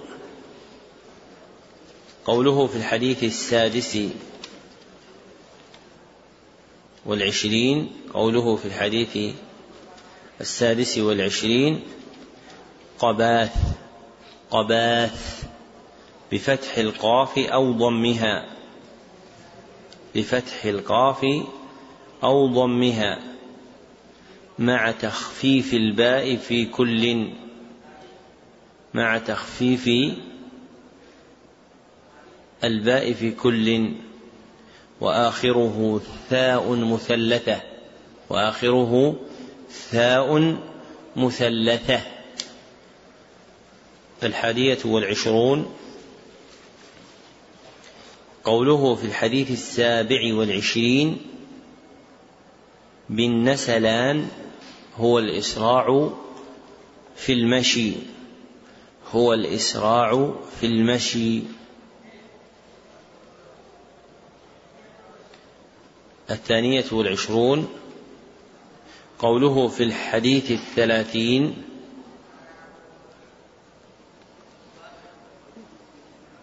قابلوا أي اعملوا عليها القبال. أي اعملوا عليها القبال. وهو زمام النعل. وهو زمام النعل. أي اعملوا عليها القبال وهو زمام النعل. الثالثة والعشرون. قوله في الحديث الحادي والثلاثين. قوله في الحديث الحادي والثلاثين قفلة أي رجعة أي رجعة. الرابعة والعشرون قوله في الحديث الثاني والثلاثين قوله في الحديث الثاني والثلاثين القلس القلس هو ما يخرج من الحلق شبيها بالقي. القلس هو ما يخرج من الحلق شبيها بالقي. ولا يبلغ قدره ولا يبلغ قدره. الخامسة والعشرون قوله في الحديث السادس والثلاثين مكفر أي يكفر أي تكفر عنه ذنوبه. أي تكفر عنه ذنوبه. السادسة والعشرون قوله في الحديث الأربعين المتقدرون. هم المتلطخون بالقاذورات. هم المتلطخون بالقاذورات وهي الحديث هلك المتقذرون. المتقدرون هم المتلطخون بالقاذورات. تصير القاذورات إيش؟ سنت. وهي المعاصي. عدت قذرا لقبحها شرعا. وهي المعاصي. عدت قذرا لقبحها شرعا. ولذلك النجاسة كم نوع؟ نوعان. نجاسة معنوية ونجاسة حسية فالنجاسة المعنوية متعلقها المعاصي والنجاسة الحسية متعلقها ما استقذر شرعا أو عرفا. وهذا آخر الأربعين شو نسميها؟ ها؟ لا. دائما لا تحرص أن تضيف إلى نفسك شيئا. واحرص أن يكون اسم الاسم الذي تجعله شعارا في كتاب أو كلمة أو غير ذلك أن تبنيه على أصل. ونحن قدمنا لكم أبو عاصم الضحاك بن مخلد شيخ البخاري كان يسميها إيش؟ اللؤلؤ. فهذا آخر الأربعين اللؤلؤية من الأحاديث ذات الكلمتين النبوية. آخر الأربعين اللؤلؤية من الأحاديث ذات الكلمتين النبوية. وكان إملاؤه بعد صلاة الفجر. وكان إملاؤه بعد صلاة الفجر يوم الاثنين. وكان إملاؤه بعد صلاة الفجر يوم الاثنين الثالث عشر من جماد الآخرة الثالث عشر من جماد الجماد الآخرة سنة اثنتين وثلاثين بعد الأربعمائة سنة اثنتين وثلاثين بعد الأربعمائة. الكتاب إذا لم يعارض لم يقبل لابد الآن الأخ سيقرأ وقابلوا كتابتكم التي كتبتموها حتى تتيقنوا من صحة سماعكم لها. كتبت كامل ولا عندك نقص؟ المشكلة نسختي فيها إلحاقات. من اللي كتب كامل الأخوان القريبين يعطيه؟ شوف الأخ عاد برا به إذا وجدت نقص ألحقه. نعم. بسم الله والحمد لله. والصلاة والسلام على نبينا محمد وعلى آله وصحبه أجمعين. قلتم حفظكم الله. بسم الله الرحمن الرحيم. الحمد لله باعث باعث خير خلقه إلى خير الأمم. المكرم من ربه بأعظم النعم. أكمل له الديانة وأولى به الأمانة. وأدى. وأدى به الأمانة. فتركنا على البيضاء على البيضاء ظاهرة بلا خفاء. فصلى الله عليه وعلى آله وسلم وبارك عليه وعليهم وكرم. أما بعد فإن مما جرى التنبيه إليه في مجلس الدرس بالمسجد النبوي ذكر الأحاديث المؤلفة من كلمتين في الصورة الإملائية وأنواع الكتابة في القرآنية. لا هذه زيادة. هذا مدخلها الأخ في الأصل. أي فأحببت أن أقتبس. فأحببت فأحببت أن أقتبس من مش... ضع اللي يكتبها الأخ هذا ضعه بين معقوفتين حتى يتميز له. المفروض ما يكتب في مكتوب الإنسان يضع له على اليمين حاشية يلحق فيها الإفادات ما يدخلها في صلب الكتاب. نعم. الله عليك. فأحببت أن أقتبس من مشكاة فأحببت أن أن أقتبس أن أقتبس من مشكاة السنة أربعين حديثا مجتبى. مجتبى. لتكون أنموذجا يحتذى يطلع منه على مبلغ البيان النبوي. وثراء وثراء مورده النقي الجامع بين وجازة المباني وجلالة المعاني ملتزما أن يكون ورودها كذلك فيما عزيت إليه. فيما عزيت. فيما عزيت إليه من تصانيف المحدثين. وبينت مراتب روايتها. وبينت. وبينت مراتبها. وبينت. وبينت مراتب روايتها نصيحة للمسلمين. وسقتها مرتبة وفق حروف المعجم وفق, وفق. حروف المعجم الأبتثي راجيا من الله الأجر السني. الحديث الأول. أبردوا بالظهر. لا. حديث أبردوا بالظهر.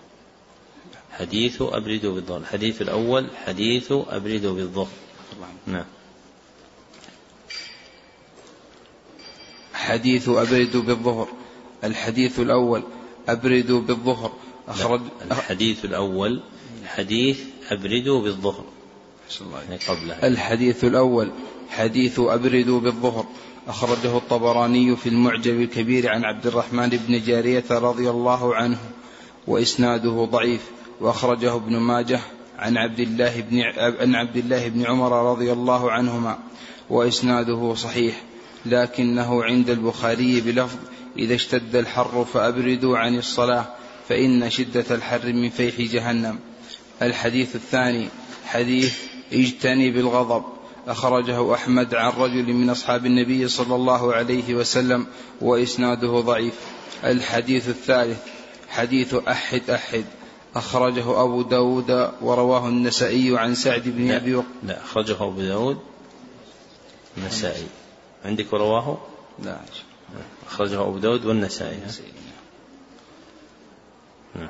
أخرجه أبو داود والنسائي عن سعد بن أبي وقاص رضي الله عنه والترمذي والنسائي عن أبي هريرة رضي الله عنه ومدار الحديثين على أبي صالح الزيات عنهما. والأشبه بالصواب أنه من حديث سعد رضي الله عنه وإسناده صحيح. الحديث الرابع.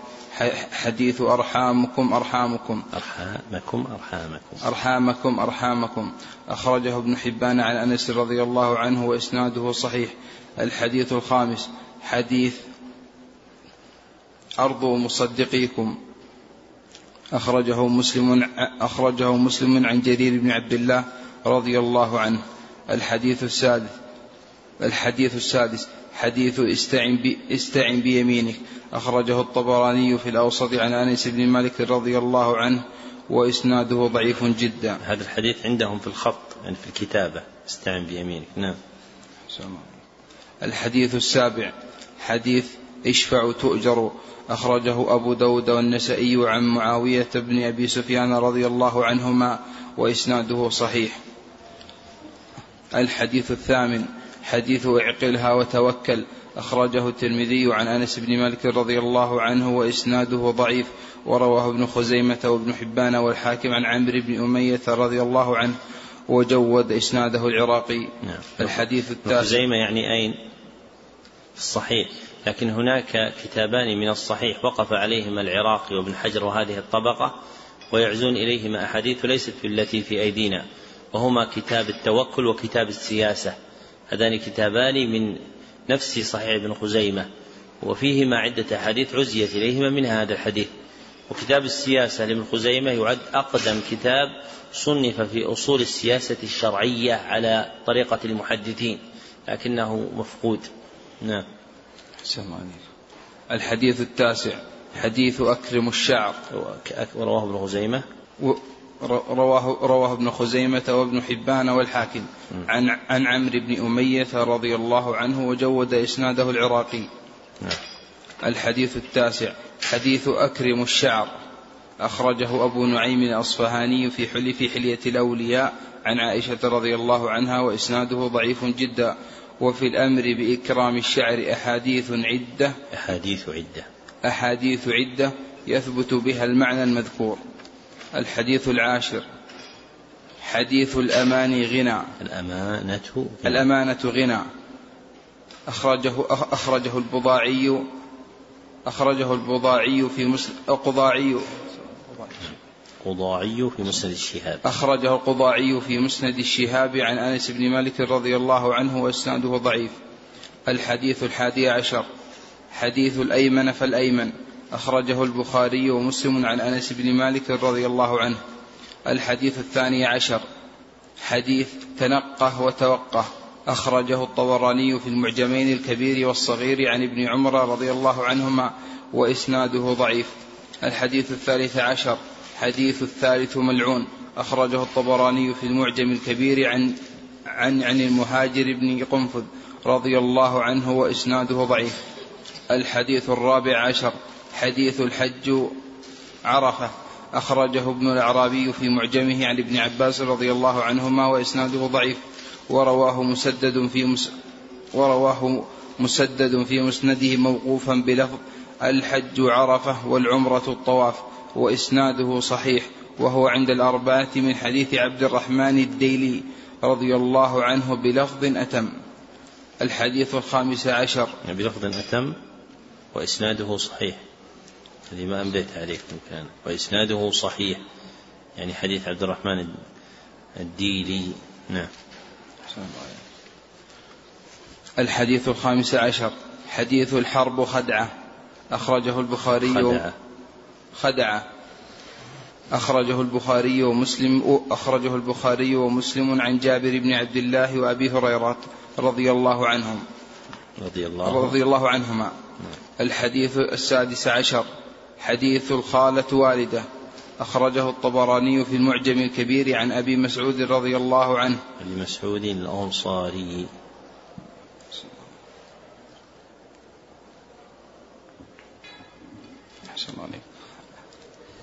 أخرجه الطبراني في المعجم الكبير عن أبي مسعود الأنصاري رضي الله عنه وإسناده ضعيف. والعقيلي في الضعفاء عن أبي هريرة رضي الله عنه وإسناده ضعيف جدا. ولهما شاهد من حديث علي رضي الله عنه بسياق أطول. في فيه الجملة المذكورة. رواه أحمد وإسناده جيد. الحديث السابع عشر. حديث الحمى شهادة. أخرجه الديلمي في مسند الفردوس عن أنس بن مالك رضي الله عنه وهو حديث موضوع. الحديث الثامن عشر. حديث دونك فان دونك فانتصري. فانتصري دونك ف فانتصري دونك فانتصري أخرجه النساء أخرجه النسائي في السنن الكبرى. وابن ماجه عن عائشة رضي الله عنها. عن عائشة. بن عن عائشة بن عن عائشة ابنة أبي بكر الصديق. بنت أبي بكر. وليس ابنة بنت أبي بكر الصديق. نعم. عن عائشة بنت أبي بكر الصديق رضي الله عنها وإسناد عنهما. عن رضي الله عنهما وإسناده حسن. الحديث التاسع عشر. حديث الذبيح إسحاق. أخرجه البزار في مسنده عن العباس بن عبد المطلب رضي الله عنه وإسناده ضعيف. وروي عنه موقوفا. وهو أصح مع ضعفه أيضا. كيف طيب يقال وهو أصح مع ضعفه؟ إيش؟ بس إيش معنى وهو أصح؟ معنى قول ضعفه أيضا. ها. إيش؟ بس هو ضعيف يقول. يعني بالنسبة إلى غيره. يعني هذا معنى قولهم أصح شيء في الباب. لا يعني أنه صحيح. قد يكون ضعيف لكنه هو أمثل المروي في الباب. نص على هذا. النووي رحمه الله تعالى وحافظ الحكم في دليل الفلاح. نعم. الله الحديث التاسع عشر.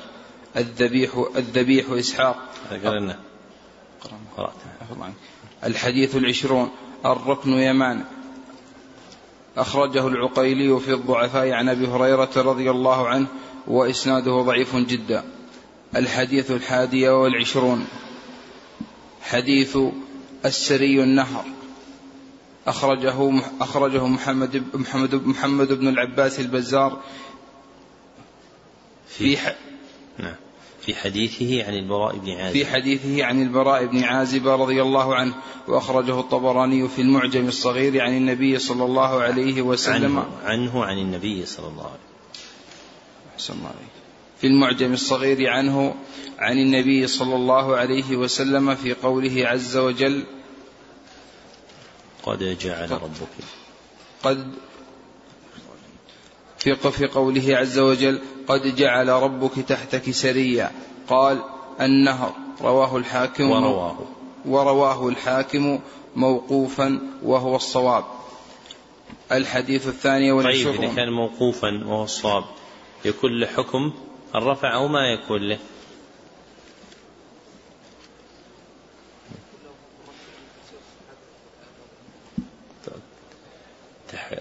يقول الأخ يكون له حكم الرفع لأن تفسير الصحابي للقرآن يكون له حكم الرفع. إيش يقول العراقي في هذا الباب؟ وعدوا وعدوا ما فسره الصحابي إيش؟ رفعا فمحمول على الأسباب يعني على أسباب نزول القرآن. لكن هذا أقل ما يحمل عليه أن يكون من تفسير أهل اللغة لأن البراء من أهل اللغة المحتج به من الصحابة فهو حجة. وإن قلنا ليس مرفوعا يعني له حكم الرفع وإن كان ذلك له قوة. وابن ابن القيم له كلام في إعلام الموقعين يذهب فيه مذهبا واسعا إلى أن ما جاء عن الصحابة في التفسير سواء احتمل الرأي أو لا يحتمل الرأي كله على الرفع. لأنهم كما تلقوا الدين تلقوا تفسير القرآن الكريم. هو من أحسن من تكلم في هذه المسألة في نصرة مذهب الحاكم وغيره. نعم. أحسن الله. الحديث الثاني والعشرون. حديث الشياع حرام. الشياع حرام. الشياع حرام. أخرجه أح يعني بياء مو بالباء مو الشباع حرام. الشياع. نعم. الشياع حرام. أخرجه أحمد عن أبي سعيد عن أبي سعيد الخدري رضي الله عنه وإسناده ضعيف. الحديث الثالث والعشرون حديث الصبر رضا. أخرجه ابن شاهين في الترغيب والترهيب والديلمي. لا, لا هذه زيادة. في الترغيب بس. يعني زيادة من عندك. نعم. هذا استصحاب الحال لا المحدثين ترغيب الترهيب. نعم. الله عنك. أخرجه, أخرجه ابن شاهين في الترغيب والديلمي في مسند الفردوس عن أبي موسى الأشعري رضي الله عنه وإسناده ضعيف. الحديث الرابع والعشرون الطوفان الموت. حديث. حديث الطوفان الموت. أخرجه ابن جرير وابن أبي حاتم وابن مردوية في تفسيرهم. لا مردوي وابن مردوية في تف في تف في تفاسيرهم عن عائشة بنت أبي بكر الصديق رضي الله عنهما وإسناده ضعيف. الحديث السابع والعشرون. العدة دين. حديث خامس. الحديث السابع خامس. الخامس والعشرون. هذا الأخ مسبق جزاه الله خير. صاحب النسخة نعم. الحديث الخامس والعشرون حديث العدة دين أخرجه الطبراني في المعجم الأوسط والصغير المعجمين. في المعجمين. في المعجمين الأوسط والصغير عن ابن مسعود رضي الله عنه وإسناده ضعيف جدا. الحديث السادس والعشرون حديث العدة عطية أخرجه الطبراني في المعجم الأوسط عن عن عن قباث الليثي. عن قباث. عن قباث الليثي رضي الله عنه وأبو الشيخ الأصفهاني في أمثال الحديث عن عبد الله بن مسعود رضي الله عنه وإسن وإس وإسنادهما واهيان. وإسناداهما وإسناداهما واهيان. الحديث السابع والعشرون. حديث عليكم بالنسلان. أخرجه ابن خزيمة والحاكم عن جابر بن عبد الله رضي الله عنهما وإسناده صحيح. الحديث الثامن والعشرون. الغنم بركة. حديث. حديث الغنم بركة. أخرجه أبو يعلى الموصلي في مسنده عن البراء بن عازب رضي الله عنه مرفوعا وموقوفا وإسناده حسن وأصله, وأصله معروف في المرفوع من حديث جماعة و وأصله وأصله معروف في المرفوع من حديث جماعة من الصحابة. نعم. عازب ممنوع من الصرف غير ممنوع من الصرف يعني عازب دائما القواعد أهل اللغة عندهم قواعد الأسرار كل صنعة لها أسرار فهم يقولون الأصل عدم يعني عدم المنع من الصرف. فدائما الكلام اللي أشكل عليك اجعله عدم منع من الصرف أعربه على ذلك. وعندهم يقولون الأصل في الكلام الفتح. الأصل في الكلام الفتح مثل خدعة وخدعة. إذا أشكل عليك اجعلها فتحا. لماذا الأصل في الكلام الفتح عندهم؟ لأن كلام العرب مبني على السهولة والفتح أسهل من الضم ومن الكسر فيكون أغلب في كلامهم وأشيع. نعم التاسع والعشرون. السلام عليكم. الحديث التاسع والعشرون. حديث الفخذ عورة. أخرجه الترمذي عن ابن عباس رضي الله عنهما وإسناده ضعيف. وفي الباب عن جماعة من الصحابة لا تخلو أحاديثهم من ضعف. الحديث الحديث الثلاثون حديث قابل النعال. أخرجه الطبراني في المعجم الكبير عن إبراهيم الطائفي رضي الله عنه وإسناده ضعيف. الحديث الحادي والثلاثون حديث قفلة حديث قفلة. حديث قفلة كغزوة. أخرجه أبو داود وعن أخرجه أبو داود عن عبد الله بن عمرو رضي الله عنهما وإسناده حسن.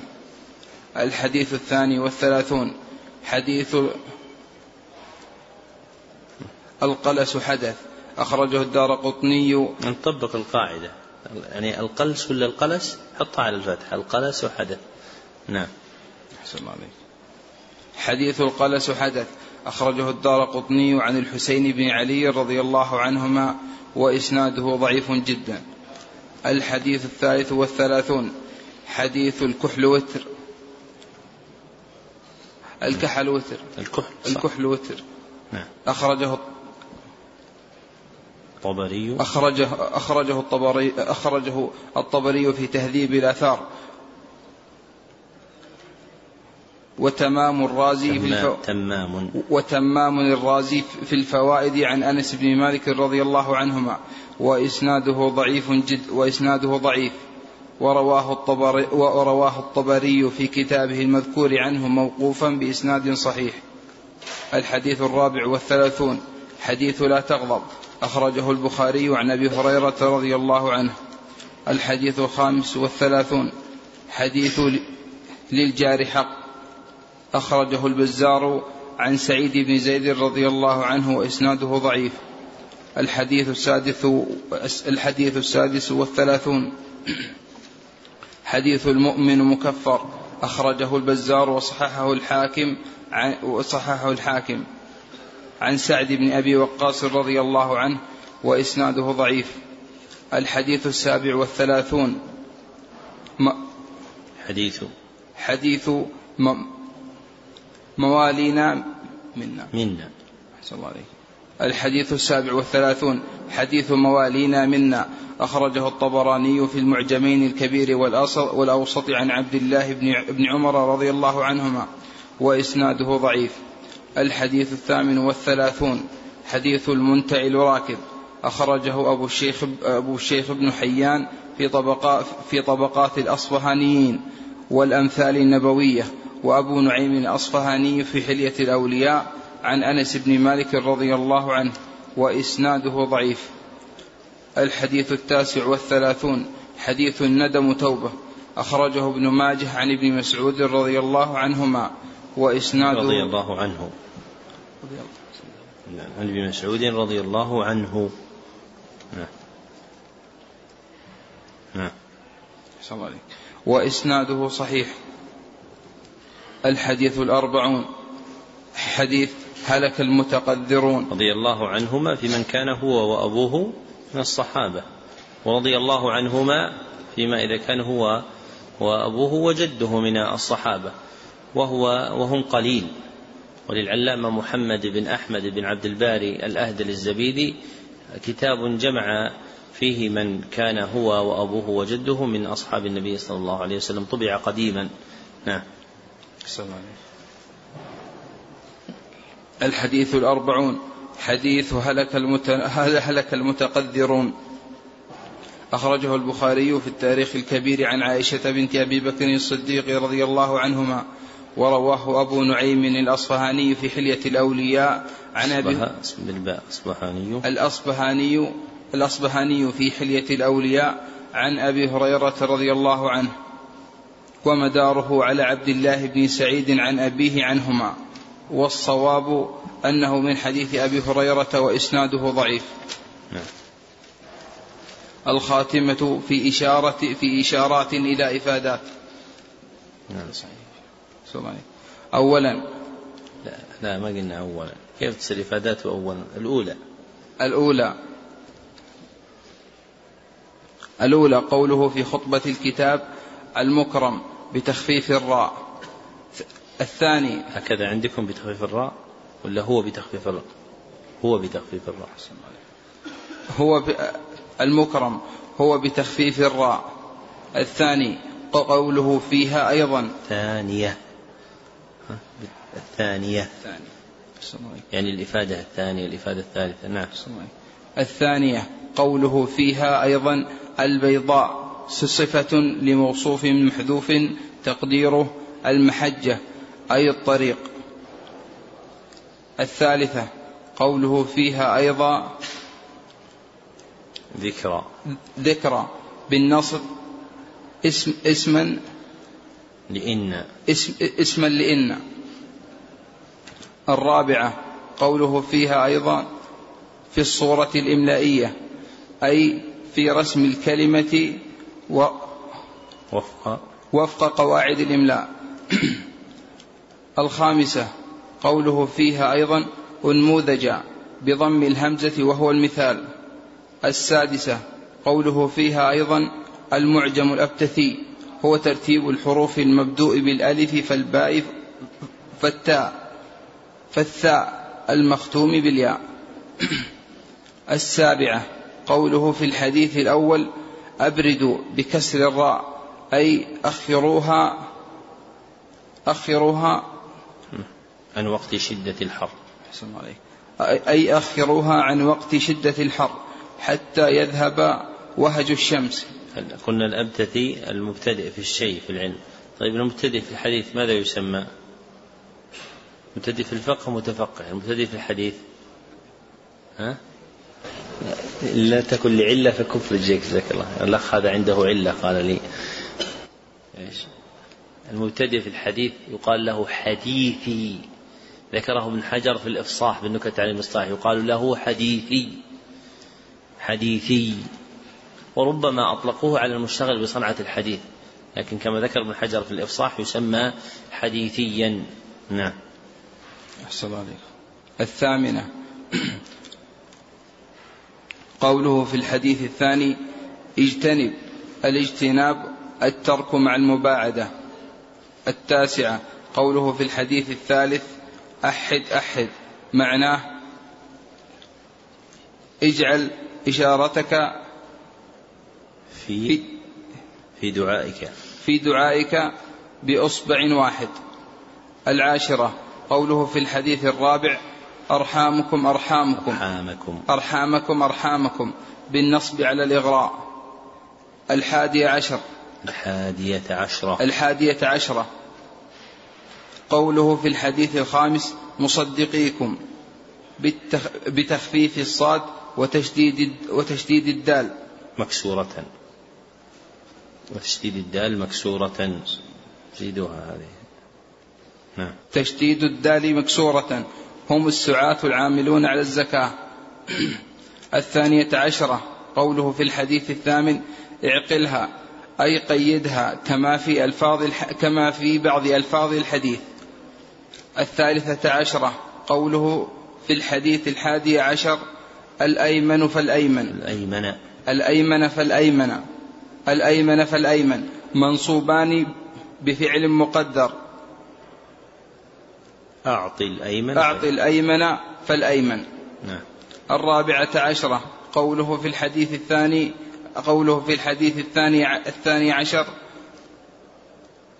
تنقه وتوقه بتشديد القاف فيها فيهما. بتشديد, بتشديد القاف فيهما وآخرهما هاء السكت. أي استنقي النفس. أي استنقي النفس وتحرز من الآفات. الخامسة عشرة قوله في الحديث الخامس عشر الحرب خدعة. المشهور فيه أنه بفتحتين ويقال بضم الخاء المعجمة وفتحها مع سكون الدال وحكي فتح الدال فيها أيضا. السادسة عشر فتح الدال فيهما أيضا. وحكي فتح الدال فيهما أيضا. السادسة عشرة قوله في الحد قوله في الحديث الثامن عشر دونك بكسر الكاف للمخاطبة المؤنث. مؤنثة. للمخاطبة المؤنثة. السابعة عشرة. قوله في الحديث في الحديث العشرون. في الحديث العشرين. قوله في الحديث العشرين. قوله في الحديث العشرين الركن أي جانب الكعبة المشرفة. الثامنة عشرة. قوله في الحديث الحادية والعشرين والحادية والعشرون. لا لا صحيح. عشرين. نعم. الحادية والعشرون. عشرين, عشرين. الحادية والعشرين. السري. بفتح السين مشددة وكسر الراء. وآخره ياء وآخره ياء مشددة. نعم. التاسعة عشرة. قوله في الحديث الثانية والعشرون. عشرين. والعشرين. الشياع. بالشين المعجمة. المفاخرة بالجماع. المفاخرة بالجماع. ال ال العشرون. العشرون قوله في الحديث السادس والعشرين. قباث قباث بفتح القاف أو ضمها مع تخفيف الباء في كل في كل في كل وآخره تاء مثلثة. الحادية والعشرين قوله الحادية الحادية والعشرون. الحادية والعشرون. يصير بالرفع كلها الحادية والعشرون. الحادية والعشرون قوله في الحديث السابع والسابع والعشرين بالنسلان وهو وهو الإسراع في المشي. هو الإسراع. هو الإسراع في هو الإسراع في المشي. الثانية الثانية والعشرون. قوله في الحديث الثلاثين قابلوا أي اعملوا عليها القبال. القبال. القبال. وهو زق. سمام النعل. سمام النعل يعني و... السير الذي يشدها ما تكون مفتوحة زي النعال اللي اليوم اللي صار ما لها سير. النعال بقايا النعال التي كانت قديما تكون مربوطة بالسيور من جهة الأصابع. نعم. أي اعملوا عليها القبال وهو زمام النعل. الثالثة والعشرون قوله في الحديث الحادية والثلاثين قفلة أي رجعة. الرابعة والعشرون قوله في الحديث الثاني والثلاثين القلس وهو ما يخرج من الحلق هو. هو هو ما يخرج من الحلق شبيها, شبيها بالقي شبيها بالقي نعم. ولا يبلغ قدره. شبيها بالقيء ولا يبلغ قدره. نعم لأن القيء يملأ الفم وقد يخرج عنه لكن القلس لا يملأ الفم. نعم. الخامسة والعشرون قوله في الحديث الساد السادس والثلاثين مكفر أي تكفر عنه ذنوبه. السادسة والعشرون قوله في الحديث الأربعين المتقذرون هم المتلطخون بالقاذورات بالقاذورات وهي المعاصي. عدت قدرا عدت قدرا لقبحها شرعا. عدت قدرا لقبحها شرعا. وهذا وهذا آخر الأربعين اللؤلؤية من الأحاديث ذات الكلم بدون هذا آخر الأربعين. آخر الأربعين اللؤلؤية من الأحاديث ذات الكلمتين النبوية. وكان إملاؤه بعد صلاة الفجر يوم الاثنين الثالث عشر من جماد الآخرة سنة اثنين وثلاثين سنة اثنين وثلاثين اثنتين. سنة اثنتين وثلاثين بعد الأربعمائة والألف. بعد الأربعمائة والألف. بعد الأربعمائة والألف. جزاك الله خير. وبهذا نكون قد فرغنا بحمد الله من إملاء هذا الكتاب واندرج في جملة إجازتكم به إجازة خاصة. وعسى أن يهيئ الله عز وجل مقاما آخر نشرح فيه هذه الأحاديث. شرحا يبين معانيها ويحل ما فيها من الإشكالات المحتاج إليها. ويكون هذا الدرس بإذنه تعالى هو آخر الدروس في هذه السنة الدراسية. ونلتقي إن شاء الله تعالى في العشر الوسطى بحسب إعلان بدء دخول شهر رمضان لا بحسب التقويم. فإذا أعلن شهر رمضان فإن ليلة الحادي عشر إن شاء الله تعالى يكون بداية الدرس بعد صلاة التراويح في كتاب الوحدان من كلام الله في القرآن. وفق الله الجميع لما يحب ويرضى الحمد لله رب العالمين. صلى الله وسلم على عبده ورسوله محمد وآله وصحبه أجمعين.